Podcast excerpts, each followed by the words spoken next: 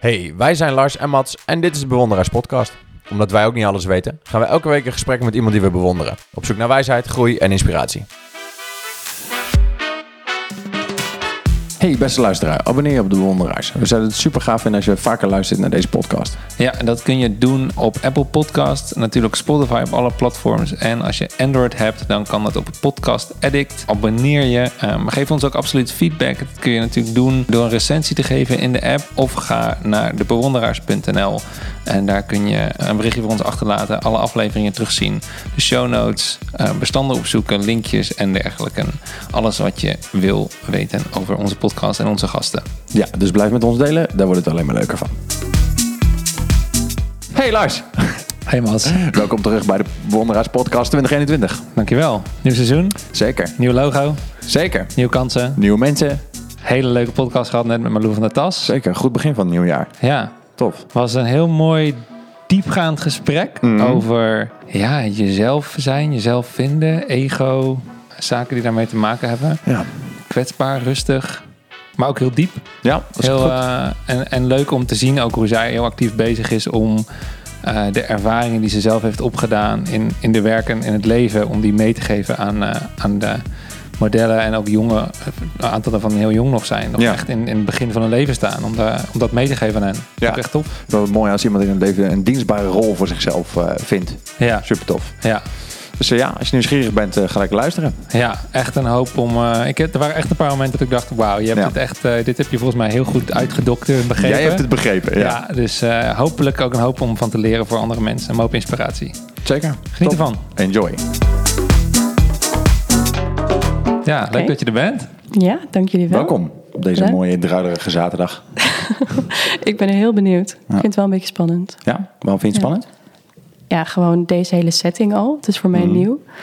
Praten over dingen over mezelf. Mhm. Al is het gewoon een gesprek en ben ik blij dat ik ook gewoon geïnteresseerd mag zijn in jullie. Daar ben ik al heel blij om. Tuurlijk. Ja. Maar verder voor mezelf is het wel even een gekke setting zo. Mhm. Ja. En is het omdat je dan eh iets zat te praten over jezelf? Want je bent wel. ehm, je bent model en model geweest op lange tijd. Eh, eh, daarbij sta je ook wel in de picture, maar dus op een andere manier dan? ja, ik heb eigenlijk altijd wel gezegd dat in modellenwerk kruip je in een rol. Mhm. En dan is het heel veilig om gewoon wat je ook aan hebt, al is het weinig. Mhm. Ehm, je bent alsnog, het is een soort van je masker van dat moment. Oh ja. En daar leef je in in. Ik denk dat het hetzelfde is met acteren. Dat je gewoon, jij bent dat niet. En dat heb ik als model ook altijd wel gevoeld. ja.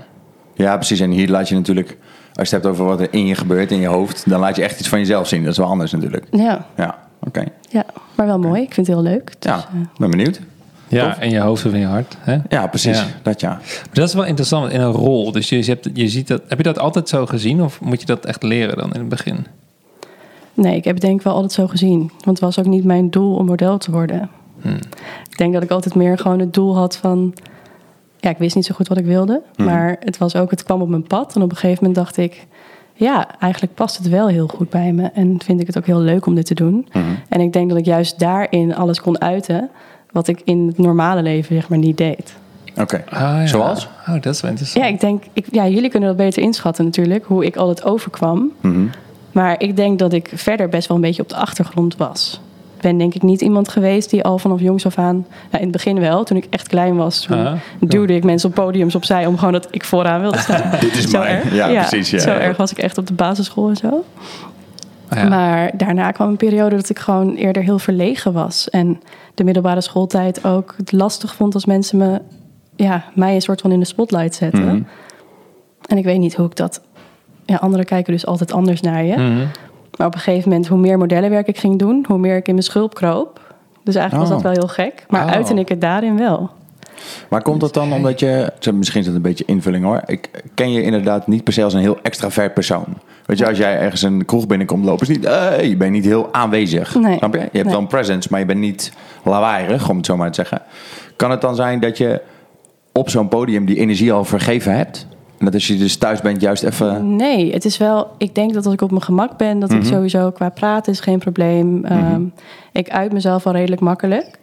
Maar het middelpunt zijn is mijn ding eigenlijk meestal niet. Ah, check. Dus dat. En als ik in die rol gezet word, Mhm. dan denk ik dat is omdat andere mensen dat ook willen. Die vragen Ja. van mij dat ik deze rol aanneem.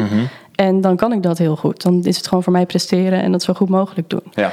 Maar in een privé situatie, dan is mijn interesse in een ander altijd groter. Ja. Want daar wil ik dan meer van weten. Ah, ja. En dan denk ik, ja, als ik dan al van alles over mezelf vertel, waar blijft dan de ander? En Ja. als iemand me een vraag stelt, tuurlijk, dan geef ik wel antwoord. Maar ik ben niet van mezelf degene die eh, op mijn verjaardag binnenkomt en zegt, nou, wat ik nou heb meegemaakt. En dan meteen het gesprek overneemt. Terwijl ik dat wel heel leuk vind als iemand dat doet. Ja, dus als Ja, je, ja. Ja. Ja. Je wil ook meer, je vindt het leuker om te luisteren dan om te praten, in die zin. Ja, terwijl Te echt een heel goed gesprek voeren is ook mijn ding wel. Ik kan Hmm. best, ja, dat kan heel goed praten ook wel. Hele, maar Mhm. dan gaat het vaak wel ergens over. ja. ja, en misschien niet per se altijd over jezelf. Ja, precies. Ja, dat, eh, Ja, Ja, maar dit is Goed toch punt. sowieso... Het is leuk om een ervaring te delen of iets, maar om de hele tijd over jezelf te praten... is toch ook niet per se gezonde eigenschap, toch? Dat heb ik, ik denk dat, dat daar leer je ook niks van in die zin. Ik denk dat dat toch het leuke... Wat is een goed gesprek? Is, Ja. is eh, de diepte ingaan over dingen die je nog niet goed weet... waar je nog een hoop over te leren hebt en kan ontdekken. Ja, ik denk dat jij het juiste punt meteen hebt. Ja. ja. Voor mij altijd in zit in alles in mijn leven. Dat ik zoek naar waar kan ik hier iets uithalen. En waar kan ik van leren? Nou, dat kan van iedereen zijn natuurlijk. Mhm. Maar dan moet je wel luisteren. Dat- En als je de hele tijd zelf aan het woord bent, dan vertel je eigenlijk wat je al weet. En ja, kun je misschien een ander nog iets brengen. Maar ja, ja, als hij daarom vraagt. precies. Ja. Ja. ja. ja, Hey, en ehm, jij hebt een modellenbureau ook. Mhm. Ben je nog zelf nog steeds werkzaam als model of niet? Heel, Ja, eigenlijk niet. Nee. Ik, het, het is wel, ik vind het wel een eer dat ik nog regelmatig aanvragen en dingen krijg. Ehm, ook bureaus in het buitenland waar ik dus voor werkte. Mhm. Dat ik dan weer een berichtje krijg van... eh, en wanneer, eh, wanneer, ja. wanneer stap je er weer in? Maar ja, ik merk toch dat... Misschien dat het wel weer komt wat Mhm. meer. Maar ik merk ook, ik heb natuurlijk nu een heel ander leven. Ik heb twee kleine kindjes van één en twee net. ja. Ehm, ik heb nu ondertussen ongeveer 30 modellen zelf bij mijn modellenbureau. Oh ja. En ik voel me daar ook een soort van mama voor. En Ben je ook, denk ik. Dat is ook denk ik Ja. daar die rol. ja, en ik voel me dus ook trotser als zij iets bereiken. Dan denk ik echt van, Oh, cool. ja, dat, dat, dat raakt mij echt. Terwijl, ja, ik heb zelf ook in tijdschriften gestaan. Of dat ik mezelf, weet ik wat, eh meter, twee meter groot of zo ergens zag hangen. En dat ik dan dacht, oh ja, beetje ongemakkelijk wel. Dat lijkt me wel heftig, toch? Ja. Ja, maar ook wel dat echte trotsgevoel komt Ja. denk ik nu als ik terugkijk op wat ik heb meegemaakt en gedaan, kan Mm. ik wel zeggen van ik ben er trots op, maar vooral op dat ik het wel heb gedaan en wat het me gebracht heeft. Ja. Ah, op het dus- moment zelf was het altijd ook wel een beetje dat ik dacht, oh ja, maar toch nog te veel bezig met wat mensen er misschien ook van zouden vinden en er ook wel ergens op afgerekend worden. Dus ik denk dat ik nu er wel ehm, dat allemaal mee probeer te geven ook aan mijn modellen van Aha. geniet ervan en wees trots op jezelf. Ja. En uit het gewoon, want als je er ook een negatieve reactie op krijgt, komt het vaak uit de pijn of onzekerheid van een ander. Ja. Dus laat Ja. dat, niet, laat dat je niet gek maken of remmen. En ik dat- denk dat ik dat wel heb gedaan. Is dat iets waar je, waar je veel tegenaan bent gelopen in die tijd? Die, die zeg maar de, de, de, de meningen van andere mensen die er wat van vinden en ook wat dat dan met jezelf doet?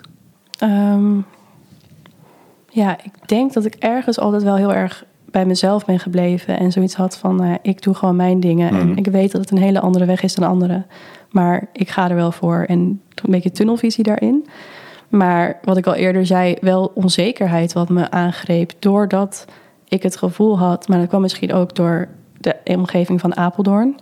Ja, jullie kiezen ervoor om nog steeds wel in Apeldoorn te wonen en voelen je er wel fijn bij. Maar ik heb hier wel vaak een soort van belemmerend gevoel ook gehad van mensen die dan naar me keken van ja, wie is dat? Of het, maar dat was Oh, mijn eigen gevoel, hè? Want dat Ja. is mijn invulling. Dat ik weet niet wat mensen gedacht hebben. Maar ik heb wel situaties gehad dat ik dacht, ja, maar ik moet er meer bij horen of meer hetzelfde zijn of ook die stappen op die manier Mhm. willen zetten. En dat Ja, ja. voelde voor mij niet echt. Ja, Ja, Ja, ik denk ook dat het goed is om in een nieuwe omgeving binnen te komen in een rol die je wil aannemen of in een, in een situatie die bij je past. ja, Ik kan me voorstellen dat in, in een dorp als dit, waar iedereen je al jaren kent, als je Ja. een soort van gewaagde stap neemt, dat daar een beetje raar naar wordt gekeken. Ja, een dat vind ik stukje juist wel heel en, mooi. eh, ja. Ik denk ook dat dat ook wel iets is dat daarin inspireer je anderen ook wel weer. Mhm. En ik denk ook dat je hier wel eerder misschien ook bepaalde dingen wel wel verschil in kan maken. Want in een stad als Amsterdam is ook natuurlijk niet in vergelijking met de wereld maar klein. Ja. Maar daarin doet iedereen eigenlijk wel heel erg zijn best om weer Ja, iets ja. bijzonders te doen of anders te zijn. En dat Oh, denk ik ook weer van ja, dat is het ook niet, zeg maar. Dus het, Hmm. Nee, als iedereen opvalt, valt het ook niet op natuurlijk. Nee, Dat en- het gaat denk ik ook niet echt om opvallen, maar wel bij mij is een angst geweest om op te vallen. Hmm. Waarvan ik niet eens weet of ik in principe opviel. Maar voor mezelf had het al een blikken van mensen dat ik dacht... oh, mensen kijken naar mij, shit. Nou ja. Eh, Ja, in ja. plaats van, oh, hey, hi. Ja, bedankt voor deze aandacht. ja, Ja, precies. Ja. En dat is nu wel anders hoor. Dus sta ik gelukkig nu wel wat anders in. Fijn. Ja. Ja. En wat brengt die verandering je? Ehm, ik denk sowieso veel meer rust. Hm. En veel meer, eh, ja, dat ik gewoon, ik zoek de angst nu op. En ik ga daar juist doorheen. En Ja. dat is iets wat ik heel erg interessant vind. Want ik geloof dat je daar dus van groeit. En dat is hetzelfde met nu met jullie in gesprek gaan met een, met een microfoon voor me. Dat is iets wat ik een jaar geleden nog had gedacht van ja, nee, echt niet. Nee, ga ik niet aan beginnen. Ja, en nu denk ik alleen maar van, juist omdat ik dat gevoel van, toen we het over hadden, dacht van nee, nee, dat kan niet. Ja. Juist wel doen. Ja, tof. Ja, ja, ja. Ja. Cool. En, Door angst heen gaan, ja, dat is Ja. wel echt. Ik denk dat we allemaal best wel makkelijk en snel weg gaan rennen van hetgeen waar we bang voor zijn. ja, En als je er instapt, dan. Ten eerste kom je inderdaad verder, maar het is ook zo dat je misschien je realiseert dat het niet zo erg is als je dacht. ja. Heb jij daar een voorbeeld van? Nou, ik had dat bijvoorbeeld. Ja, ik had dat skinny dipper. Ja, ook dat. Ja. Skinny dipper, ik ben heel benieuwd naar nou, dit verhaal. niet skinny Nee, dipper. maak maar het even wat juicier Wel koud, het is. eh, ja, dus ik ben wel in de laatste eh, paar maanden, twee, drie maanden of zo, elke week eh, eh, een keer het, het water in. Mhm. En Gewoon echt, dus het water is nu een graad of vijf.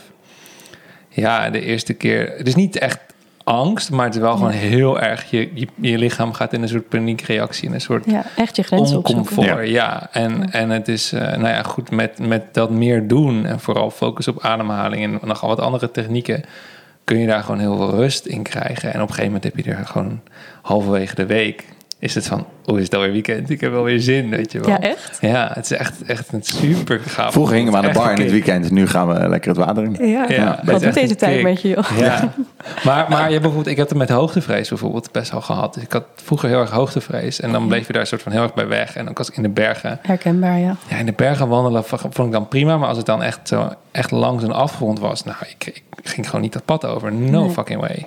En op een gegeven moment eh, had ik zoiets van... Ja, dit, dit is ook niet echt de oplossing. En toen ik begon met down- en mountainbiken... dan zaten we ineens in skiliften. Ik heb nooit gewintersport, dus daarvoor niet in ieder geval. Nee. Dus dat was ook nieuw voor mij. En ineens zit je 10 meter hoog boven, boven de grond... in zo'n bungelend dingetje. Nou, chill, weet je wel. Ik Maar werd je daar bang van? Of- ja, ja, echt verstijfd. Echt, echt.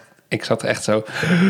Helemaal zo. Jezelf vastklampend in de lift. Ja, Ja, echt zo van holy shit, dit is zo relaxed. En nou ja, goed, dan is het een keer 7 meter hoog en dan een keer 13 en weet ik het. Maar het was gewoon echt niet fijn. En, maar goed, door het vaker te doen en ook gewoon te merken, hey, het gaat altijd goed.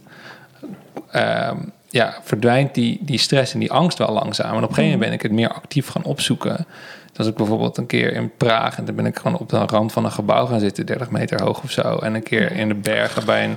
Bij een maar niet om, niet om een soort van. Hey, niet van oh, ik ga bijna eraf of zo. Maar gewoon meer van. hey, als ik gewoon. Er zaten ook andere mensen ook precies zo. En dacht ik, ja, zij vallen ook niet. Ze zitten gewoon normaal. Nee, Ik moet dat precies. toch De wind komt de goede kant op, dus ja, dit is ik geen moet probleem. dat toch gewoon Ja. kunnen. En dan doe je dat. En dan zit je daar zo. Wow, het is echt. Ik voel mijn hartslag. En het is Ja. super spannend. Maar het gaat ook goed. En ik blijf hier gewoon even zitten. En dan. Ja, dit zou ik ook moeten doen. Ik heb ook enorme hoogtevrees. En ik heb ook een keer met abseilen, dat dat zouden we gaan abseilen. Mhm. Nou, dan moet je ook eerst de berg oplopen.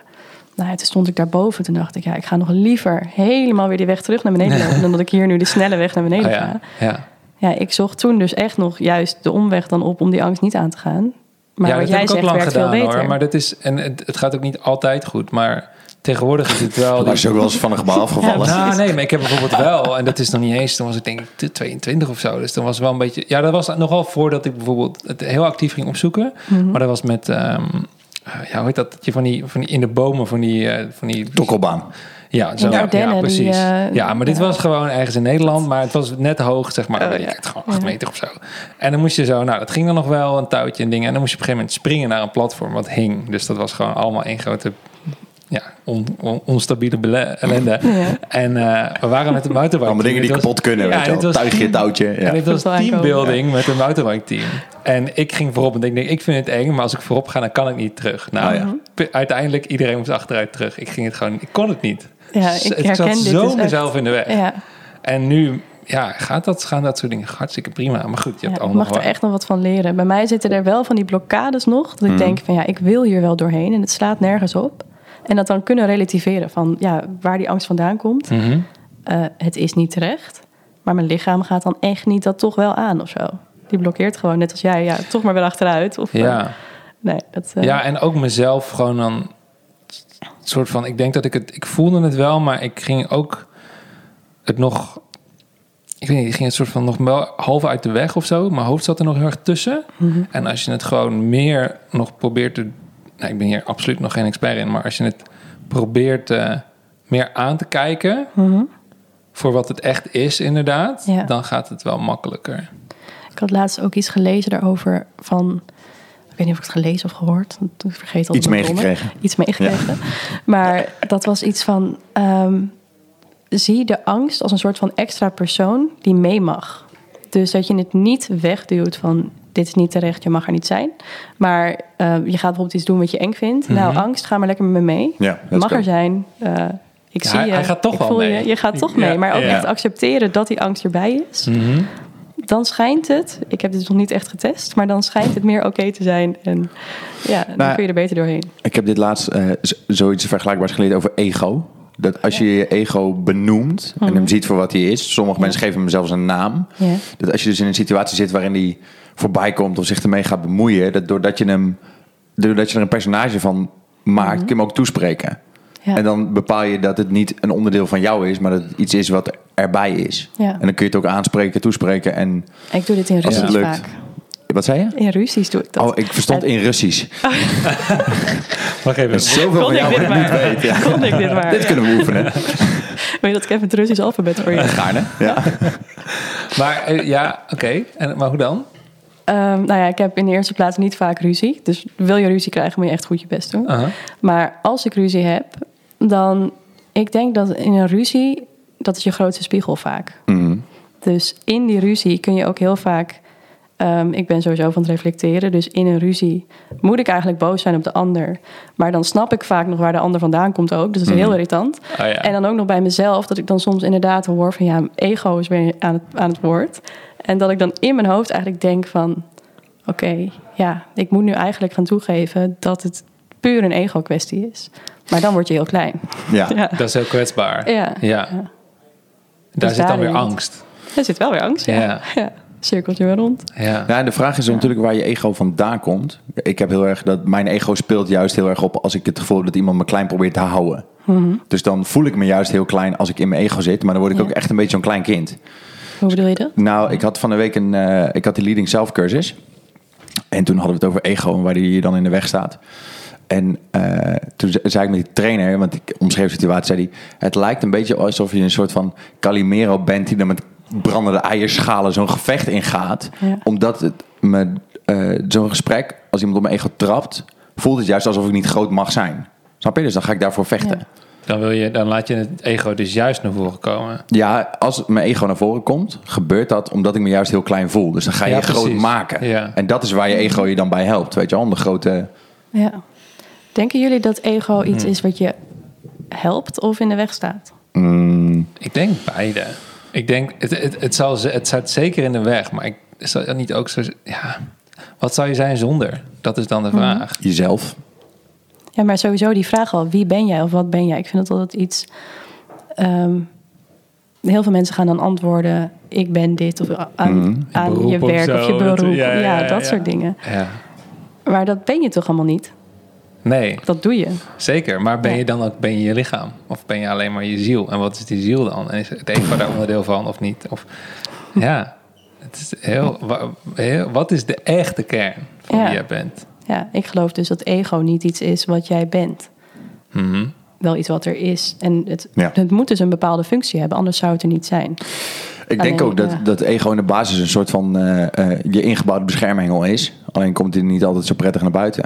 Want Dat is ook een mooie manier om er naar te kijken. Of Ja, een soort van je engeltje en je duiveltje. En allebei moeten ze er zijn. Ja. maar- Ja. Nou ja, hij ontstaat vaak, tenminste, dit is wat ik bij anderen zie en wat ik persoonlijk ervaar. Hij ontstaat vaak als een soort van muur in de weerstand. Weet je, dus als je Ja. geconfronteerd wordt met iets waar je Absoluut. eigenlijk echt wat mee moet, Ja. dan komt die ego ertussen om even te zeggen dat het helemaal niet gaat gebeuren. Ja. Weet je al, in een ruzie Mhm. of eh, als iemand gelijk heeft en je daar helemaal niet bent zelf. Ja. Dus dan wordt de ego een soort van je beschermengel voor je eigen angst. Want dat Ja. betekent dat je ermee aan de slag moet. Klopt. En dat iemand anders je dat gaat vertellen. En dat willen mensen helemaal niet. Mensen willen zelf bedenken dat ze iets moeten. Ja, klopt. Ik denk dat ego ook heel graag dingen als an- angst juist in sta in nou, wow. Ik kom er Ja, in stand houdt, ja. In stand houdt, ja. Ja, Ja. zeker. Ja. Maar dat vind ik wel interessant met jouw ijsbad of jouw ijsduik. Mhm. Nou ja, het is staat- gewoon koud waar staat- water. Er is geen ijs nog. Maar nou ja, misschien zo meteen morgen. wel. Als je morgen gaat, dan eh, heb je Pam, pam, zeker pam. Ja. Ja, succes. Ja. Maar dan vind ik het wel interessant. Zit daar ego in de weg om zo'n stap te gaan zetten? Mm, nou, helpt hij dat, hierbij? Dat, oeh, dat is een goede. Ligt aan hoe je hem gebruikt, denk ik. Nou, ik denk wat er voornamelijk in... Er zitten eigenlijk twee dingen in de weg. Mhm. Ehm, en nu steeds minder, naarmate ik het vaker doe. Maar het eerste is gewoon het fysieke ongemak... en je soort van de reflex van je lichaam om heel snel te gaan ademen. Een soort hyperventil- hyperventileren. Ja. En dat kun je tegengaan door goed te oefenen je adem heel rustig te houden. En dat kun je natuurlijk al buiten in het water kun je dat oefenen met meditatie. Uh, maar er is ook bijvoorbeeld als je het water inloopt. Dus Ja. als je dan het water in. En dan pas als je helemaal onder, zeg maar tot, op, tot aan je nek of je schouders onder water bent, dan pas weer heel lang rustig uitademen. Ja. Dan weer gewoon inademen. En vooral de uitademing zo lang mogelijk rekken. Gewoon echt zo'n 5 seconden of 10 seconden.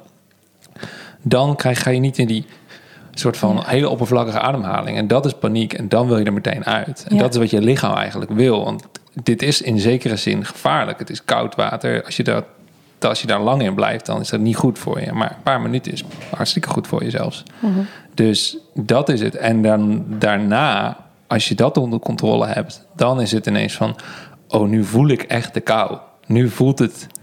Het, het, het zijn soms echt een soort naaldjes. Het is, het is Ja. ook een beetje afhankelijk van welke plas je ingaat en wat voor weer het is. Het kan echt nog wel uitmaken hoe het voelt. Maar eh, ja, dan moet je gewoon in plaats van daartegen vechten. En dat is dan misschien, ik weet niet of dat ego is of wat maar je, je, je kan er tegen vechten. Of je Ja. kunt zeggen: wow, dit is echt heel koud. Het doet ook best een beetje pijn. Maar ik leef nog. En je kan het aan. Ik kan het prima aan. Ik zit hier gewoon goed. Ik ga hier nog even blijven zitten. Voel, omarm de kou in plaats van ertegen vechten. Ja. En dan ineens wordt het, dan gaat het ineens, gaat het, wordt het makkelijker. En je kunt ook met je eh, een soort van visualisatie van je ademhaling, dat je je voorstelt als je in en uitademt, dat het naar je ledematen gaat. En als ik dat doe, dan voel ik mijn, gaan mijn handen tintelen en zo. En dan word ik eigenlijk het bijna warm. Ja. En laatst deed ik dat een keer niet. En toen en dan heb ik echt zo bizar koude handen gehad. Ik helemaal wit toen ik uit het water kwam. Dus dat heeft echt invloed op je bloedsomloop en zo ook. Ik vind het zo krachtig hoe, hoe sterk je mind is. Ik vind dat echt Ja. fascinerend gewoon.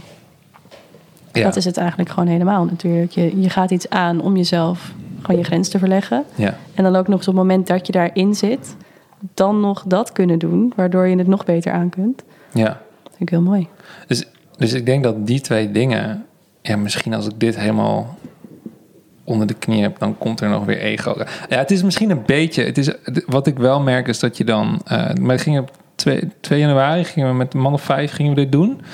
En toen zat het er net in. En de keren daarvoor had ik het twee of drie minuten volgehouden. En nu zaten we er iets van een minuut in. En dan waren er jij en nog twee anderen... die waren er voor het eerste of tweede keer of zo dat ze dit deden. Dus ja, de eerste paar keer kun je dit ook gewoon nog niet zo lang volhouden. Dus ik ging er meteen weer uit. En toen dacht ik, oh iedereen gaat eruit. Ik moet er ook uit of zo. Ja, En het was zo stom, want dat had helemaal niet gehoeven. Maar dat is omdat dan zit mijn hoofd zich in de weg. ja, Dus Ja, maar de, vraag, de Ja. vraag is waar dan je ego zit, hè? Dus eh, ik was een van de mensen die echt direct weer eruit ging. Want ik vond het echt het meest afschuwelijke wat ik ooit aan het doen was. Maar dat, hey, maar morgen ga je weer. ja, dat wilde ik net zeggen. Dan vind Ja. ik dat wel weer heel Ja. knap. bedankt. Nou ja, we weten nog niet of het gaat lukken. Hè? We zijn er nog Je hebt de intentie. Precies, we hebben, de, we hebben het eh, voorgenomen. Maar de vraag is waar dan denk ik je ego in de weg zit. Kijk, ik weet nog dat ik het water uitliep en dat jij en iemand anders zoiets zei van... Nee, kom op, je moet erin. En Ja, dat dan- is een stukje. mijn ego kan dan denken... eh, ik ga me echt niet... eh, Laten zo- kisten. Ik ga me niet laten kisten. Maar mijn verstand denkt dan, ja, voor wie? Snap je? Maar ja, oké, dus je overruled, maar het ego is er wel, maar je overruled het dan met je Tuurlijk is het ego er. Ja, Tenminste Maar op zo'n ego moment. kan ook dat stukje zijn dat als je al in het water bent en denkt... nee, ik wil er nu uit. Dat je denkt, nee, nog één minuutje, ik kan dit. Nou, dat heb maar ik is dat dan ego? Of is dat gewoon iets door, van... Ik doorzettingsvermogen. denk, ik denk dat dat karakter ik is. Ja? Ja, en karakter. Karakter. is volgens mij wel echt wie je bent. Om te zeggen, als je iets doet, stel je voor dat je een marathon uit moet lopen. Mhm. En je doet het op karakter door tegen jezelf te kunnen blijven zeggen dat je dit kan, dat je dit gaat overwinnen. Ja. Dat maakt het je heel sterk. Als je tegen jezelf zegt, je moet dit uitlopen, want anders ben je een loser. Ja, Dan Is het ego. denk ik je ego. Oh, wauw, ja, dat is wel een dat is goeie. inderdaad een goede. Ja, ik weet niet of het waar is, maar Nou, dat is mijn, een mijn voor mij heel logisch. Ja. Ja. Ik denk ook dat je inderdaad altijd uit liefde situaties moet benaderen en vooral jezelf. Oh, fijn. Dus op het moment dat je dat doet, je Ja. zegt als je dit niet kan, dan ja, dat je jezelf afkeurt of afwijst. Daar zit die fout al denk ik al in. Mhm. Ja, En ego die je klein houdt, zit denk ik ook wel in die afwijzing en angst en weet ik wat. In plaats van in liefde kijken naar iets. Ja. Mhm. Dus ik denk Mooi. dat dat al wel... Eh, ehm, Ik zie Is- een verbaasde blik. nee, niet verbaasd. Nee, ik vind het gewoon heel mooi verwoord. En, en dit, dat is iets Het is een fijne manier om eh, ernaar te kijken, denk ik. Ja, dit is Voor jezelf veel beter. Waar ik zelf ook wel laatst meer mee bezig ben en herken. En eh, ik zit me af te vragen, is dat ook iets wat je dan met de modellen waar je, die, die bij jou werken, Mhm. eh, die zijn ook, ik weet niet hoe oud ze zijn. Varieert van ergens tussen de 13 tot eh, Oh, ja, is jong. 33 of zo. Oké, dus ook Ja. echt de hele jongen. Dus die zijn ook nog, Ja. je moet dan ook jezelf nog uitvinden. In zekere zin, denk is ook ik, of echt niet? wel een leeftijd dat ik daar geen druk op zet van ehm, het is nog niet echt werken. Ik zie mezelf daarin meer. Ik ben op die leeftijd begonnen Ja, en ik heb heel erg gemerkt dat ik daar geen ondersteuning in had. En het heel erg gericht was op dun zijn. En te horen krijgen van, eh, nou, als je wat minder hamburgers zou eten, dan kom je echt heel ver. Dat soort uitspraken Oh, kreeg ik.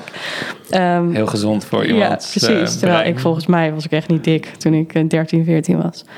Ehm, maar dat probeer ik dus zeker niet mee te geven. Ik probeer juist te kijken. Ik, ik zoek meiden uit waarvan ik denk... ehm, het is een totaalplaatje met heel veel potentie. En verder is het voor mij niet iets waarvan ik denk... Ja, sorry hoor. Lars heeft mij enorm uit te lachen, maar dat ding valt, ja, maar hij valt om de Je hele moet, hem tijd. recht, je moet het pootje Ja, dat was ik dus aan het doen. En ik probeerde dat te doen zonder geluid te maken. Maar dat ging doen. helemaal niet. Sorry voor dit. Ik probeerde niet de afleiding te zijn. Maar dat... Oké, ga door. Excuses. Dat maakt helemaal niet uit. Maar ik zoek dus juist die meiden uit waarvan ik denk... eh, op die leeftijd heeft iedereen denk ik bepaalde onzekerheden. Hmm. Maar wel de mensen die daaraan zouden willen werken... en open durven te zijn. Waardoor ik ehm, deels mijn eigen ervaringen mee kan geven. Hmm. Waardoor je niet een soort van het wiel zelf uit hoeft te vinden. Dat is niet altijd Ja. nodig. Ja. Maar ook de vrijheid en de ruimte geven om gewoon dat ze kunnen zijn wie ze zijn.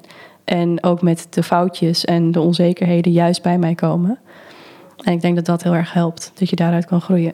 En ik denk dat dat ook een hele warme benadering is, ook naar jezelf. Dat niet gaan denken van, oh, maar ik ben nu aangekomen en eh, of ik kan dit nog niet. Maar ehm, Of ik heb een fout gemaakt, dus ik ben stom. Of wat dan ja, precies. Ja. Maar dat je Ja. inderdaad gewoon naar jezelf gaat kijken van... oké, wat kan ik hieruit leren? En ehm, ik ben dan ook niet iemand die dat afstraft, zeg maar. Ik, zou, Nee, ik ben precies. wel heel rechtvaardig en eerlijk. Dus Mhm. als iemand mijn mening vraagt... dan kun je ook een heel hard antwoord krijgen. Oh ja. Want je vraagt ernaar. Dus ik zou... Ja, Wil je, ja, wil je een eerlijk of een vriendelijk antwoord? Ja, dat gaat niet, ja. maar oké, maar ga je, je gaat Maar het niet hard- sugarcoaten, zeg maar. maar nou ja, ik denk wel dat ik een eerlijk antwoord... niet op een hele lullige manier eruit zou gooien. Maar wel eerlijk. En eerlijkheid kan heel hard zijn. Mhm. Maar ik geloof dus ook dat je daar heel veel van kan leren. En Ja. ik werk dus wel ook met mensen die daar wel een beetje mee om kunnen gaan. Van, Juist. Wil je leren? Oké, let's go. Wil Ja. je dat niet? Nou ja, dan is het denk ik, ben ik daar niet helemaal de juiste persoon voor. Want ik vind Hm. het wel leuk om iemand een beetje... Ja, tuurlijk. Ja, Te kneden. Ja, maar sowieso denk ik, in, in, en dat zal in dit, dit vak zijn, maar dat is denk ik in heel veel vakken, als je echt verder wil komen, Ja, dan moet je een bepaalde mindset komen, hebben. moet je, Ja. moet je willen groeien, moet je willen leren. Ja. Het gaat niet vanzelf. Nee, ik denk ook juist dat al die blokkades waar we het ook eerder over hadden, als je dat tegenkomt en je durft toe te geven van hé, hey, ik zit hier vast of ik durf dit nog niet of ik kan dit niet. Hm. Ja, dat is de grootste kwetsbaarheid waarvan ik, als ik dat terugkrijg van mijn modellen, dan voel ik me zo vereerd dat zij dat met mij durven te delen. Ja. En daardoor kun je dan ook zo mooi gaan bouwen. Terwijl als je angst hebt gecreëerd of afwijzing, dan gaan mensen ja, alleen nog maar verder bij je weg.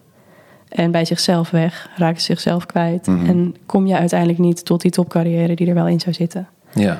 Dus ik geloof wel echt dat daar de basis ligt. Ja. ja, ik denk sowieso dat het verstandig is en belangrijk om binnen je bedrijfscultuur, angst uit de equation, wat is het Nederlandse woord? Formule. Ja. Om dan zeggen angst uit die formule te houden. Ja, nou ja, ik vind het wel grappig dat je dat zegt. Want ik ehm, heb een tijd ook bij een bedrijf gewerkt. Mhm. eh, in de rol van HR-manager. Mhm. Dus dat was dan ook wel een, ja, een uitdaging van heel veel mensen. En ik denk eigenlijk vaak... Nou, het waren mannen en vrouwen, dus dat moet ik niet zeggen. Maar Ik denk lekker vaak- generaliseren. Wat wil je zeggen? ik zeg helemaal niks. Nee, het was wel heel vaak dat ja, een soort management by fear kwam wel eens voorbij. Ja. Oh ja. En mensen denken echt dat dat heel effectief is. Omdat het op het moment Ja, zorg je dat mensen doen wat Ja. je wil. Ja. Ja. Ja, en op Dus termijn zorgt het ervoor dat mensen niet meer bij je willen werken. En Ja. ongelukkig worden en depressief worden en niet hun werk doen Precies. enzovoort. Ja. Dus is het inderdaad de oplossing? Nee. Ja. Wel weer een Ja. hele erge ego-oplossing, denk ik. Dat dan weer wel. Ja, is het ook. Maar het is, Ja. het is ook... Ik heb eh, in het begin, toen ik net de winkel had... had ik op een gegeven moment een managementteam wat heel open was. Mhm. En toen op een gegeven moment kreeg ik nieuwe jongens. En die hadden dat nog helemaal niet. Ja. Dus elke keer als ik wat zei, kwam er direct weerstand. Omdat Mhm. ze bang waren dat- mijn reactie betekende dat ze het slecht deden. Nee, het betekent alleen maar dat we moeten groeien. Ja. Weet je wel? En toen op een gegeven moment zei ik ook een keer in een meeting... Jongens, we moeten wel bespreken wat we voelen, wat we vinden, wat we zien. Want Mhm. anders komen we er nooit samen. En blijft dit een soort van ruzie. Ja. Weet je, als ik zeg dat het beter moet, betekent niet dat het nu slecht is of dat jij verkeerd bent. Weet je? Je moet gewoon aan de slag met elkaar. Ja. En ik denk dat als je dat. En dat blijft lastig, denk ik. Misschien vooral voor mannen en vooral voor ego, wat dan in de weg kan staan. Mhm. Ja. Als je dat kan blijven faciliteren, dat het heel waardevol is. Maar hoe hebben ze daarop gereageerd? Want ik vind het wel mooi om te horen dat jij dat er gewoon in de groep gooit van... ik merk dat ik steeds die weerstand krijg en dit het moeten doen. Ja, dat was wel dat dan? Ja, dat was heel bevrijdend, want zij hadden dus hetzelfde. Dus wat er gebeurde was. Kijk, stel je voor, ik had, eh, zij hadden de avond ervoor gesloten. Ja. En ik kwam de volgende middag binnen. Nou ja, als ik dan zie dat er iets niet opgeruimd is, of ehm, weet ik veel, de vuilniszakken zijn niet goed erin, terug ingedaan. Ja, dan krijg je een foto en dan stuur ik dat. Ja. Zo, hey, let daar even op. Nou, in eerste instantie kwam er helemaal, ja, maar jij doet ook wel eens. Ik zeg, maat, Ja. ik ben niet kwaad op je. Inderdaad, iedereen maakt fouten, maar ik hoop dat je het met me deelt, want dan Ja. kan ik ervan leren. Nou, dat gebeurde zo nog twee, drie keer. En toen zei ik dat in een meeting ook. Zo, hey, ik vind het een vervelende situatie. Hoe gaan we hiermee om? Ja. Want ik zag ook dat ze dan in gesprek met me zaten. En dan, ja, je ziet wel eens aan iemand dat hij iets wil zeggen, maar dan doet hij het niet. En toen zei ik, maar is er nog iets? Ja. Nee, nee, nee, nee. En toen dacht ik, shit, ben ik nou een soort van angstcultuur aan het veroorzaken bij mezelf? Oh ja, dat ze dat niet durven zeggen. Ja, want Ja. ik ben best wel. ehm, ik denk niet dat ik naar ben, maar als ik zelf slecht in mijn vel zit, ben ik wel een pittige gast. En het waren natuurlijk allemaal jonge jongens. Dus ik ben ja, heel je- duidelijk. Je, snap kunt dat niet helemaal uitschakelen. Nee, ik ben ook wie ik ben. Hmm. Maar ik ben ook iemand die dan zegt: hey, ik voel dit. Hoe gaan we hiermee om? Want Mhm. is het voor jullie leuk? Nee, nee, is voor ons niet leuk. Nou, voor mij is het ook niet leuk. Nee. Dus hoe gaan we ermee om? En dat brak het wel een beetje open. Maar ik denk ook als manager voel je je zo verantwoordelijk. Want wat jouw team doet, dat ben jij eigenlijk. Dat Ja. is, de, dat is wat jou, het werk wat jij neerzet. Ja. Dus op het moment dat dat dan niet lekker loopt... Mhm. en je kan er ook nog even op dat moment niet te veel aan veranderen... want je krijgt niet, niet helemaal terug van wat je wil... ja. Ja, lijkt mij wel confronterend. Maar Nee, dat is het ook. Maar dat is ook iets om mee leren. Kijk, ik zie dat ook wel als mijn taak. En ik, dat, ik denk dat je in dezelfde rol zit. Dat als je met jongeren werkt, dan leer je niet alleen werken, maar dan ben je ook aan het opvoeden. ja, Weet je, alles wat ze thuis niet meekrijgen, krijgen ze op de werkvloer mee. Ja. En dat is voor iedereen ook weer anders. Dus je moet daar als leidinggevende of als eigenaar ook altijd anders op reageren. ja. Maar dat houdt het wel, ja, ik vind dat heel leuk. Maar dit is wel eh, ja een ik vind het ook uitdaging. heel leuk. Ja. Ik- ja, maar ik hou ook wel van die uitdagingen. Denk ik. Ja. Volgens mij hebben wij dat allemaal wel. Dat we wel een beetje uitdagingsgedreven gedreven in het leven staan. Oh ja. Ja. Als het niet Ja. moeilijk is, dan wil ik het niet. Bij Nee. wijze van spreken. Ja, zeker. Ja, gek is dat, Ja. want dat herken ik dus ook. Maar aan de andere kant, vind ik, ik geloof ook heel erg dat een soort van flow in je leven moet zijn. Dus dat dingen op je pad moeten komen en dat het gewoon Mhm. soepel moet lopen. En dat als je er te hard aan moet trekken of te hard je best voor moet gaan doen, moet het dan wel zo zijn. Ja, dus dat is ook het een not beetje-. Dat is waar, Ja. maar ik denk dat er... er is een... Maar er is daarin denk ik een, een soort van een verschil dat... hey, iets... Je moet er hard voor werken en het lukt niet en het lukt niet en het lukt niet. Dan is het niet meant to be. Ja. Maar als, je, als het al gaat, maar je gewoon graag een volgend level wil bereiken in Ja. je werk of wat dan ook. En dat geeft, kost moeite. Ja, Ja, dat is, dan, is, dan is het leuk. En ook, kijk, flow, ont, echte flow ontstaat ook pas wanneer er voldoende uitdaging is. Ja. Anders, dan Ja. wordt het, anders dan is er geen interesse. Dan wordt het, Ja. dan wordt het lui. Hoezo? Ja, dit is, weet je, twee vingers in de neus doe je Ja. dit. Dan is het niet Kom niet uit interessant. comfort. Nee. Nee, de, de, er moet een hele goede mix zijn van competentie en, en druk en moeilijkheid. Ja. En dat moet samenkomen. En dan Ja. komt er flow. Ja. En dat merk ik ook bijvoorbeeld als ik bijvoorbeeld video's aan het editen ben, dan ik haal veel meer voldoening. En ook achteraf, maar ook tijdens het proces. En, Ja. en lol uit het proces wanneer het lastiger is. ja, Want als het dan lukt, dan is het die overwinning. holy shit. Ja, dit is, ja. dit is, het is echt geworden wat ik hoopte of wat ik voor ogen had. En als het iets is wat gewoon, ja, wa- wat je bij wijze van spreken al twintig keer gedaan hebt. ehm, dan is het gewoon, ja, oké, big deal, weet je wel. Dan is het niet zo spannend. Nee. Dus dan, dan heb je daar achteraf niet het gevoel van accomplishment. Maar ook tijdens denk je dan van ja, ehm, oké, ik doe dit Ja. even, weet je wel. En, en Ja, daar word je ook lui van. Ja, gelukkig, ja, zijn dat, ja. gelukkig zijn dat bij mij, zijn die klussen er bijna niet meer. Eh, maar je moet daar ook een balans in hebben. Want altijd maar de grens verleggen. En die, die, om bij die flow te komen, dat lukt ook niet altijd. En dat kost ook een hele hoop energie. Ja. En dat wil je ook niet altijd doen. Er moet Want- denk ik een soort van balans zijn tussen Ja. de juiste routine, Mhm. waarin je kan voelen van, hé, hey, ik ben goed in wat ik doe. Want dat is ook Mhm. fijn om af en toe gewoon te Ja. voelen. Ja. En een stukje van, oh, je gaat die grens opzoeken omdat je hem wil verleggen en die uitdaging aan.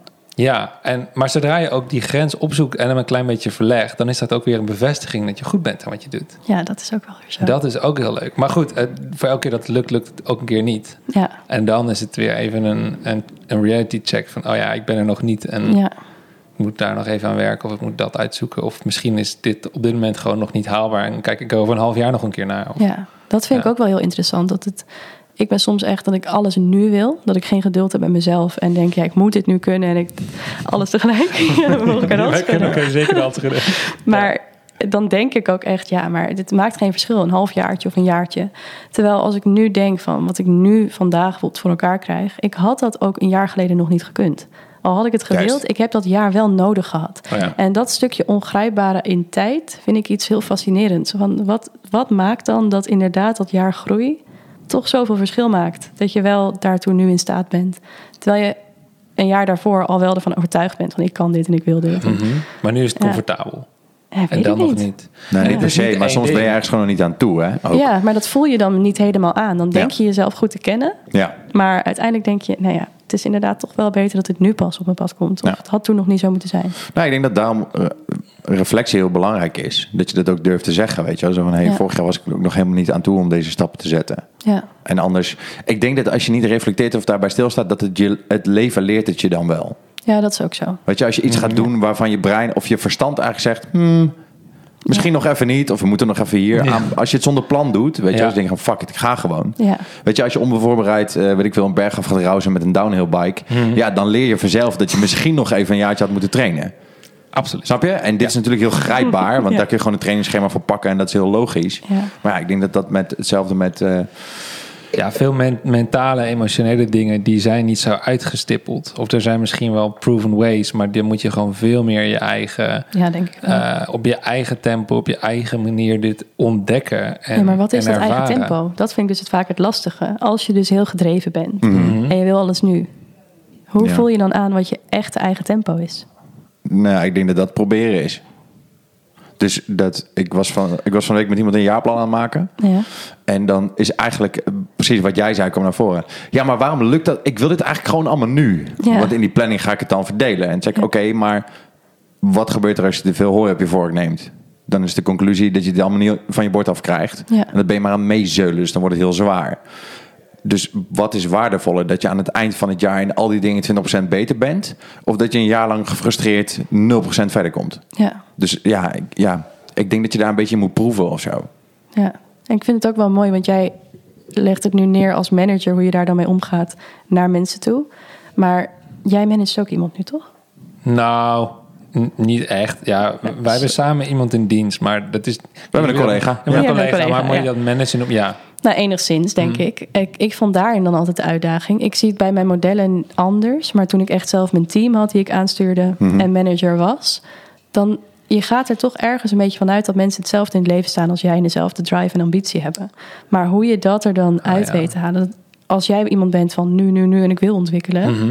ehm, dan is nog als je dan als manager verantwoordelijk bent, Mhm. hoe haal je dat uit al die andere mensen ook? Ja, dat is En niet... zit dat er wel in? Want niet iedereen. Nee. Maar wordt daar gelukkig van ook om zo in het leven te staan? Nee, en dat is ook oké. En ik denk Ja. dat je moet realiseren dat wanneer je ehm, ondernemer bent en dus mensen bij je wil voegen, of dat nou freelancers zijn of, of vaste collega's, Ja. Ehm, dan moet je daar goed naar kijken, inderdaad. Van wat voor type persoon en type mindset matcht goed bij mij en mijn bedrijf. En het is sowieso. Ik heb dit best wel lang in mijn hoofd gehad voordat ik echt op vast, vast met mensen werkte. Maar dat Ja. ik dacht van ja, ehm, niemand heeft er toch ook zoveel hard voor als ik. Nee, natuurlijk niet.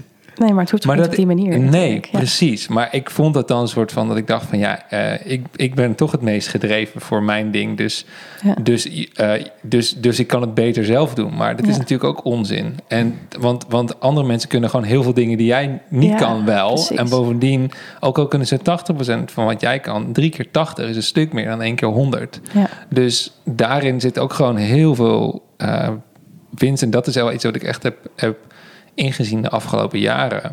Ja. Ja. En het is inderdaad wel ook gewoon zoeken naar de juiste mensen.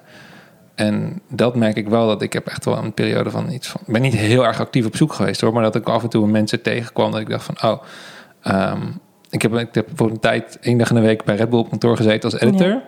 En daar waren ook wel stagiairs en ook wel voor editing en andere dingen. En ik dacht van, oh, misschien is het met jou interessant. Maar dan was er, ze waren goed in een aantal dingen, maar er was nooit een 100% klik. Ja. Totdat er een jongen was waarbij dat wel was. En ik werk nu anderhalf jaar met hem samen. En dit is Paul. Ja. Ja, en dit is, gaat super goed, weet Baas. je wel. En, Ja. en, en dat is ook gewoon wat hij die leergierigheid heeft. En, Ja. en heel humble is om gewoon te blijven leren en eh, graag nieuwe dingen wil doen, zeg Ja. maar. En, en een bepaalde gedrevenheid heeft die ik dan in een ander nog niet had gezien. Ik weet- Het kan best dat hij er ook was, maar ik, ik Ja. zag hem niet. Ja. En eh, ja, dat is dan voor mij gewoon belangrijker. Los van dat die Ja. jongen ook goed is in, met zijn skills, Ja. is dat heel belangrijk. Want Ja. daarmee kom je op lange termijn uiteindelijk ook veel verder.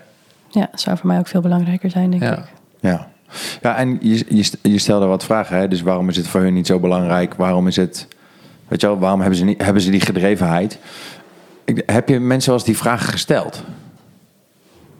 Ehm, nou ja, ik heb dus de ervaring dat vaak er een bepaalde onzekerheid in de weg zat. Mhm. En ja, dat ik, ik ging me daar dan heel verantwoordelijk voor voelen.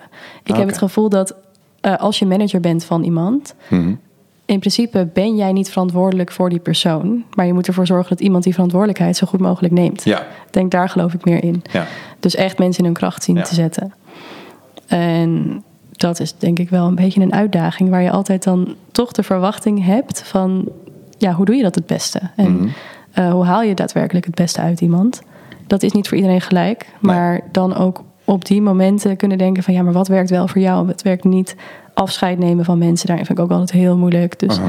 gewoon accepteren dat het er soms niet in zit bij iemand. Ik geloof daar niet in. Dus dan Nee. denk ik, het zit er wel in. Dus dan wil ik blijven investeren Oh, ja. in iemand en blijven graven en alles eruit halen. En mezelf daar dan eerder nog bijna in verliezen of een stapje Aha. terugzetten, waardoor de ander kan gaan groeien. Maar dat vind ik in managen van mensen vaak best wel lastig. Soms, nou, jij hebt dan gelukkig iemand kunnen vinden waarvan je denkt, ja, zo leergierig. En dat voel je, dat krijg je ook terug. Ja, en ook een hele goede match op persoonlijk level. En dat Ja. is natuurlijk met, met mijn soort werk. Ehm, ja, het is niet dat we, weet je, s ochtends en s avonds inklokken op kantoor. We zijn Nee. ook gewoon een week samen in het buitenland. Gewoon eigenlijk behalve het slapen ben je de hele tijd samen, Ja. weet je wel. Dus ehm, je moet ook gewoon echt, je moet ook, het is ook een soort vriendschap. Je moet ook gewoon echt Ja. levelen als, als, eh, als individuen, niet alleen als collega's. Ja, je hebt een soort van professionele bromance. Dus als je dan met iemand zit... nee, maar als je dan met iemand zit die niet klikt... Ja, dan Ja. werkt Ja. dat gewoon niet. Want Ja. hoe meer je natuurlijk samen klikt... Als het niet werkt, krijg je zoveel frustraties... dat dat het werk de overhand neemt, Ja. denk ik. Ja, precies. Maar dat Ja. is denk ik ook goed om...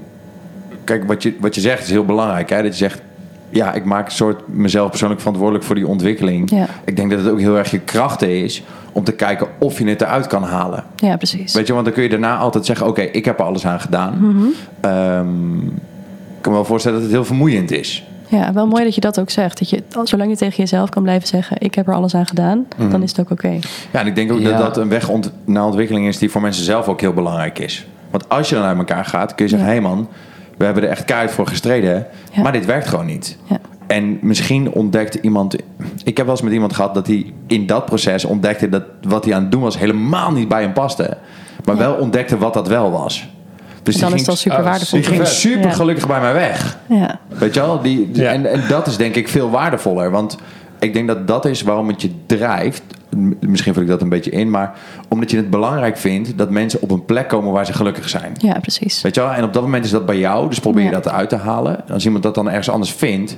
Ja, dan als het goed is ben je dan nog steeds gelukkig. Ja, maar dat is denk ik hoe ik überhaupt in het leven sta. Dat probeer Mhm. ik met mijn modellen te doen. Want mensen vragen mij ook wel eens van... je hebt dan zoveel meiden al vanaf zo jong... je hebt geen idee of ze ooit eh, succesvol worden... of ze geld voor je gaan verdienen. Maar mijn basis is al... als ik ze nu al iets heb kunnen meegeven in hun leven... eh, om het wat makkelijker of mooier voor ze te maken. Ja. Of als zij straks 30, 40 zijn en terugkijken en denken... hé, hey, ik heb daar wel wat aan gehad... want ik ben mezelf tegengekomen... of Ja. ik heb dingen mogen leren en ervaren... dat is voor mij al alle waarde. Ja. En alles daarboven is Ja, winst. wauw.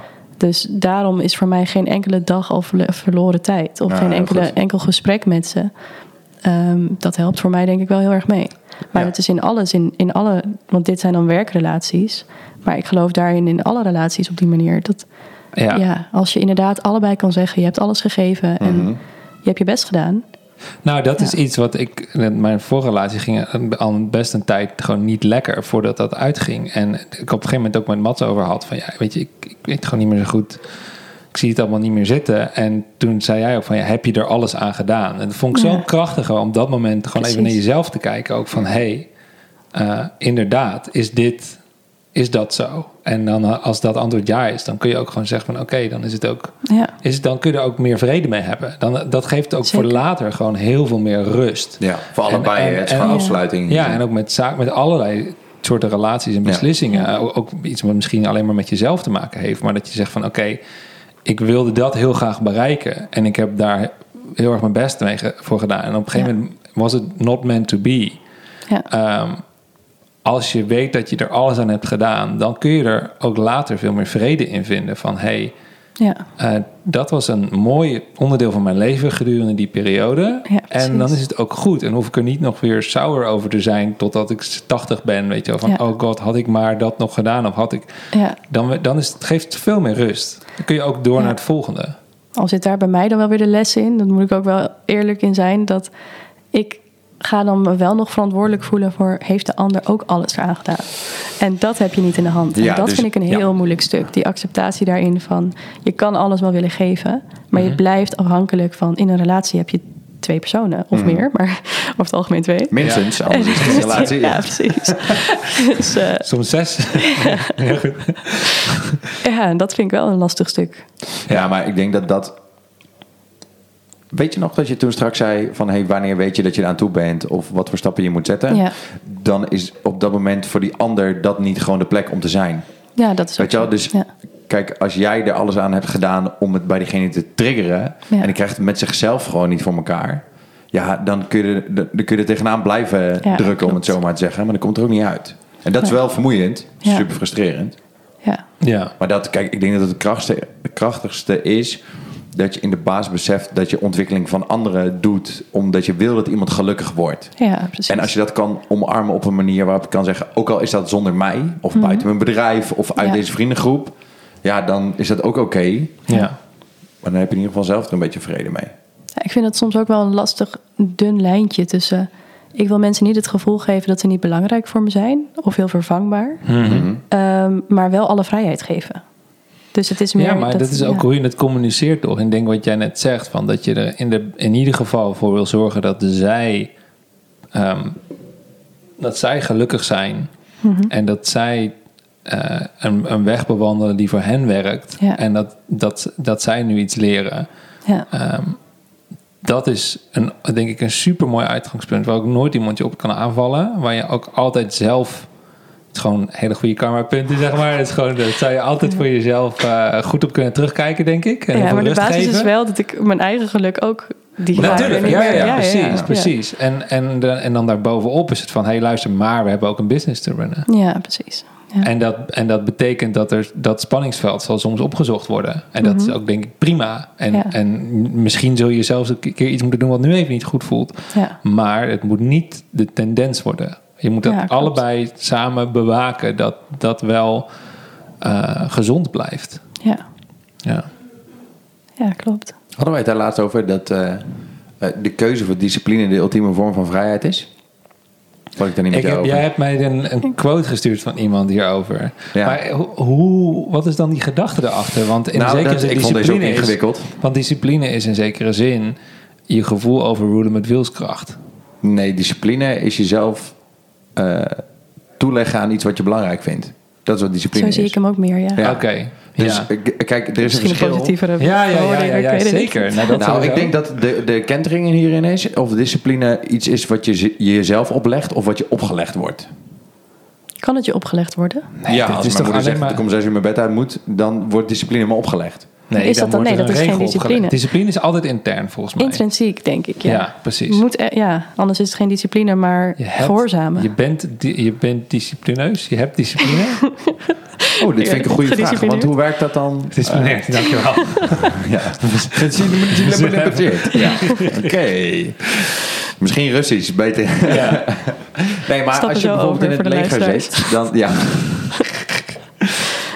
Nog erop, ja. Nee, ga je niet aan beginnen gewoon. Pak je woordenboek er vast Ja, bij. precies dat, ja. Ehm, het is een goede vraag. Misschien had ik daar gewoon niet zo goed over nagedacht. Als je in het leger discipline leert, Ja, wo- wordt die dan in de basis wordt die opgelegd of leer je discipline door de regelgeving waarin je gebonden wordt?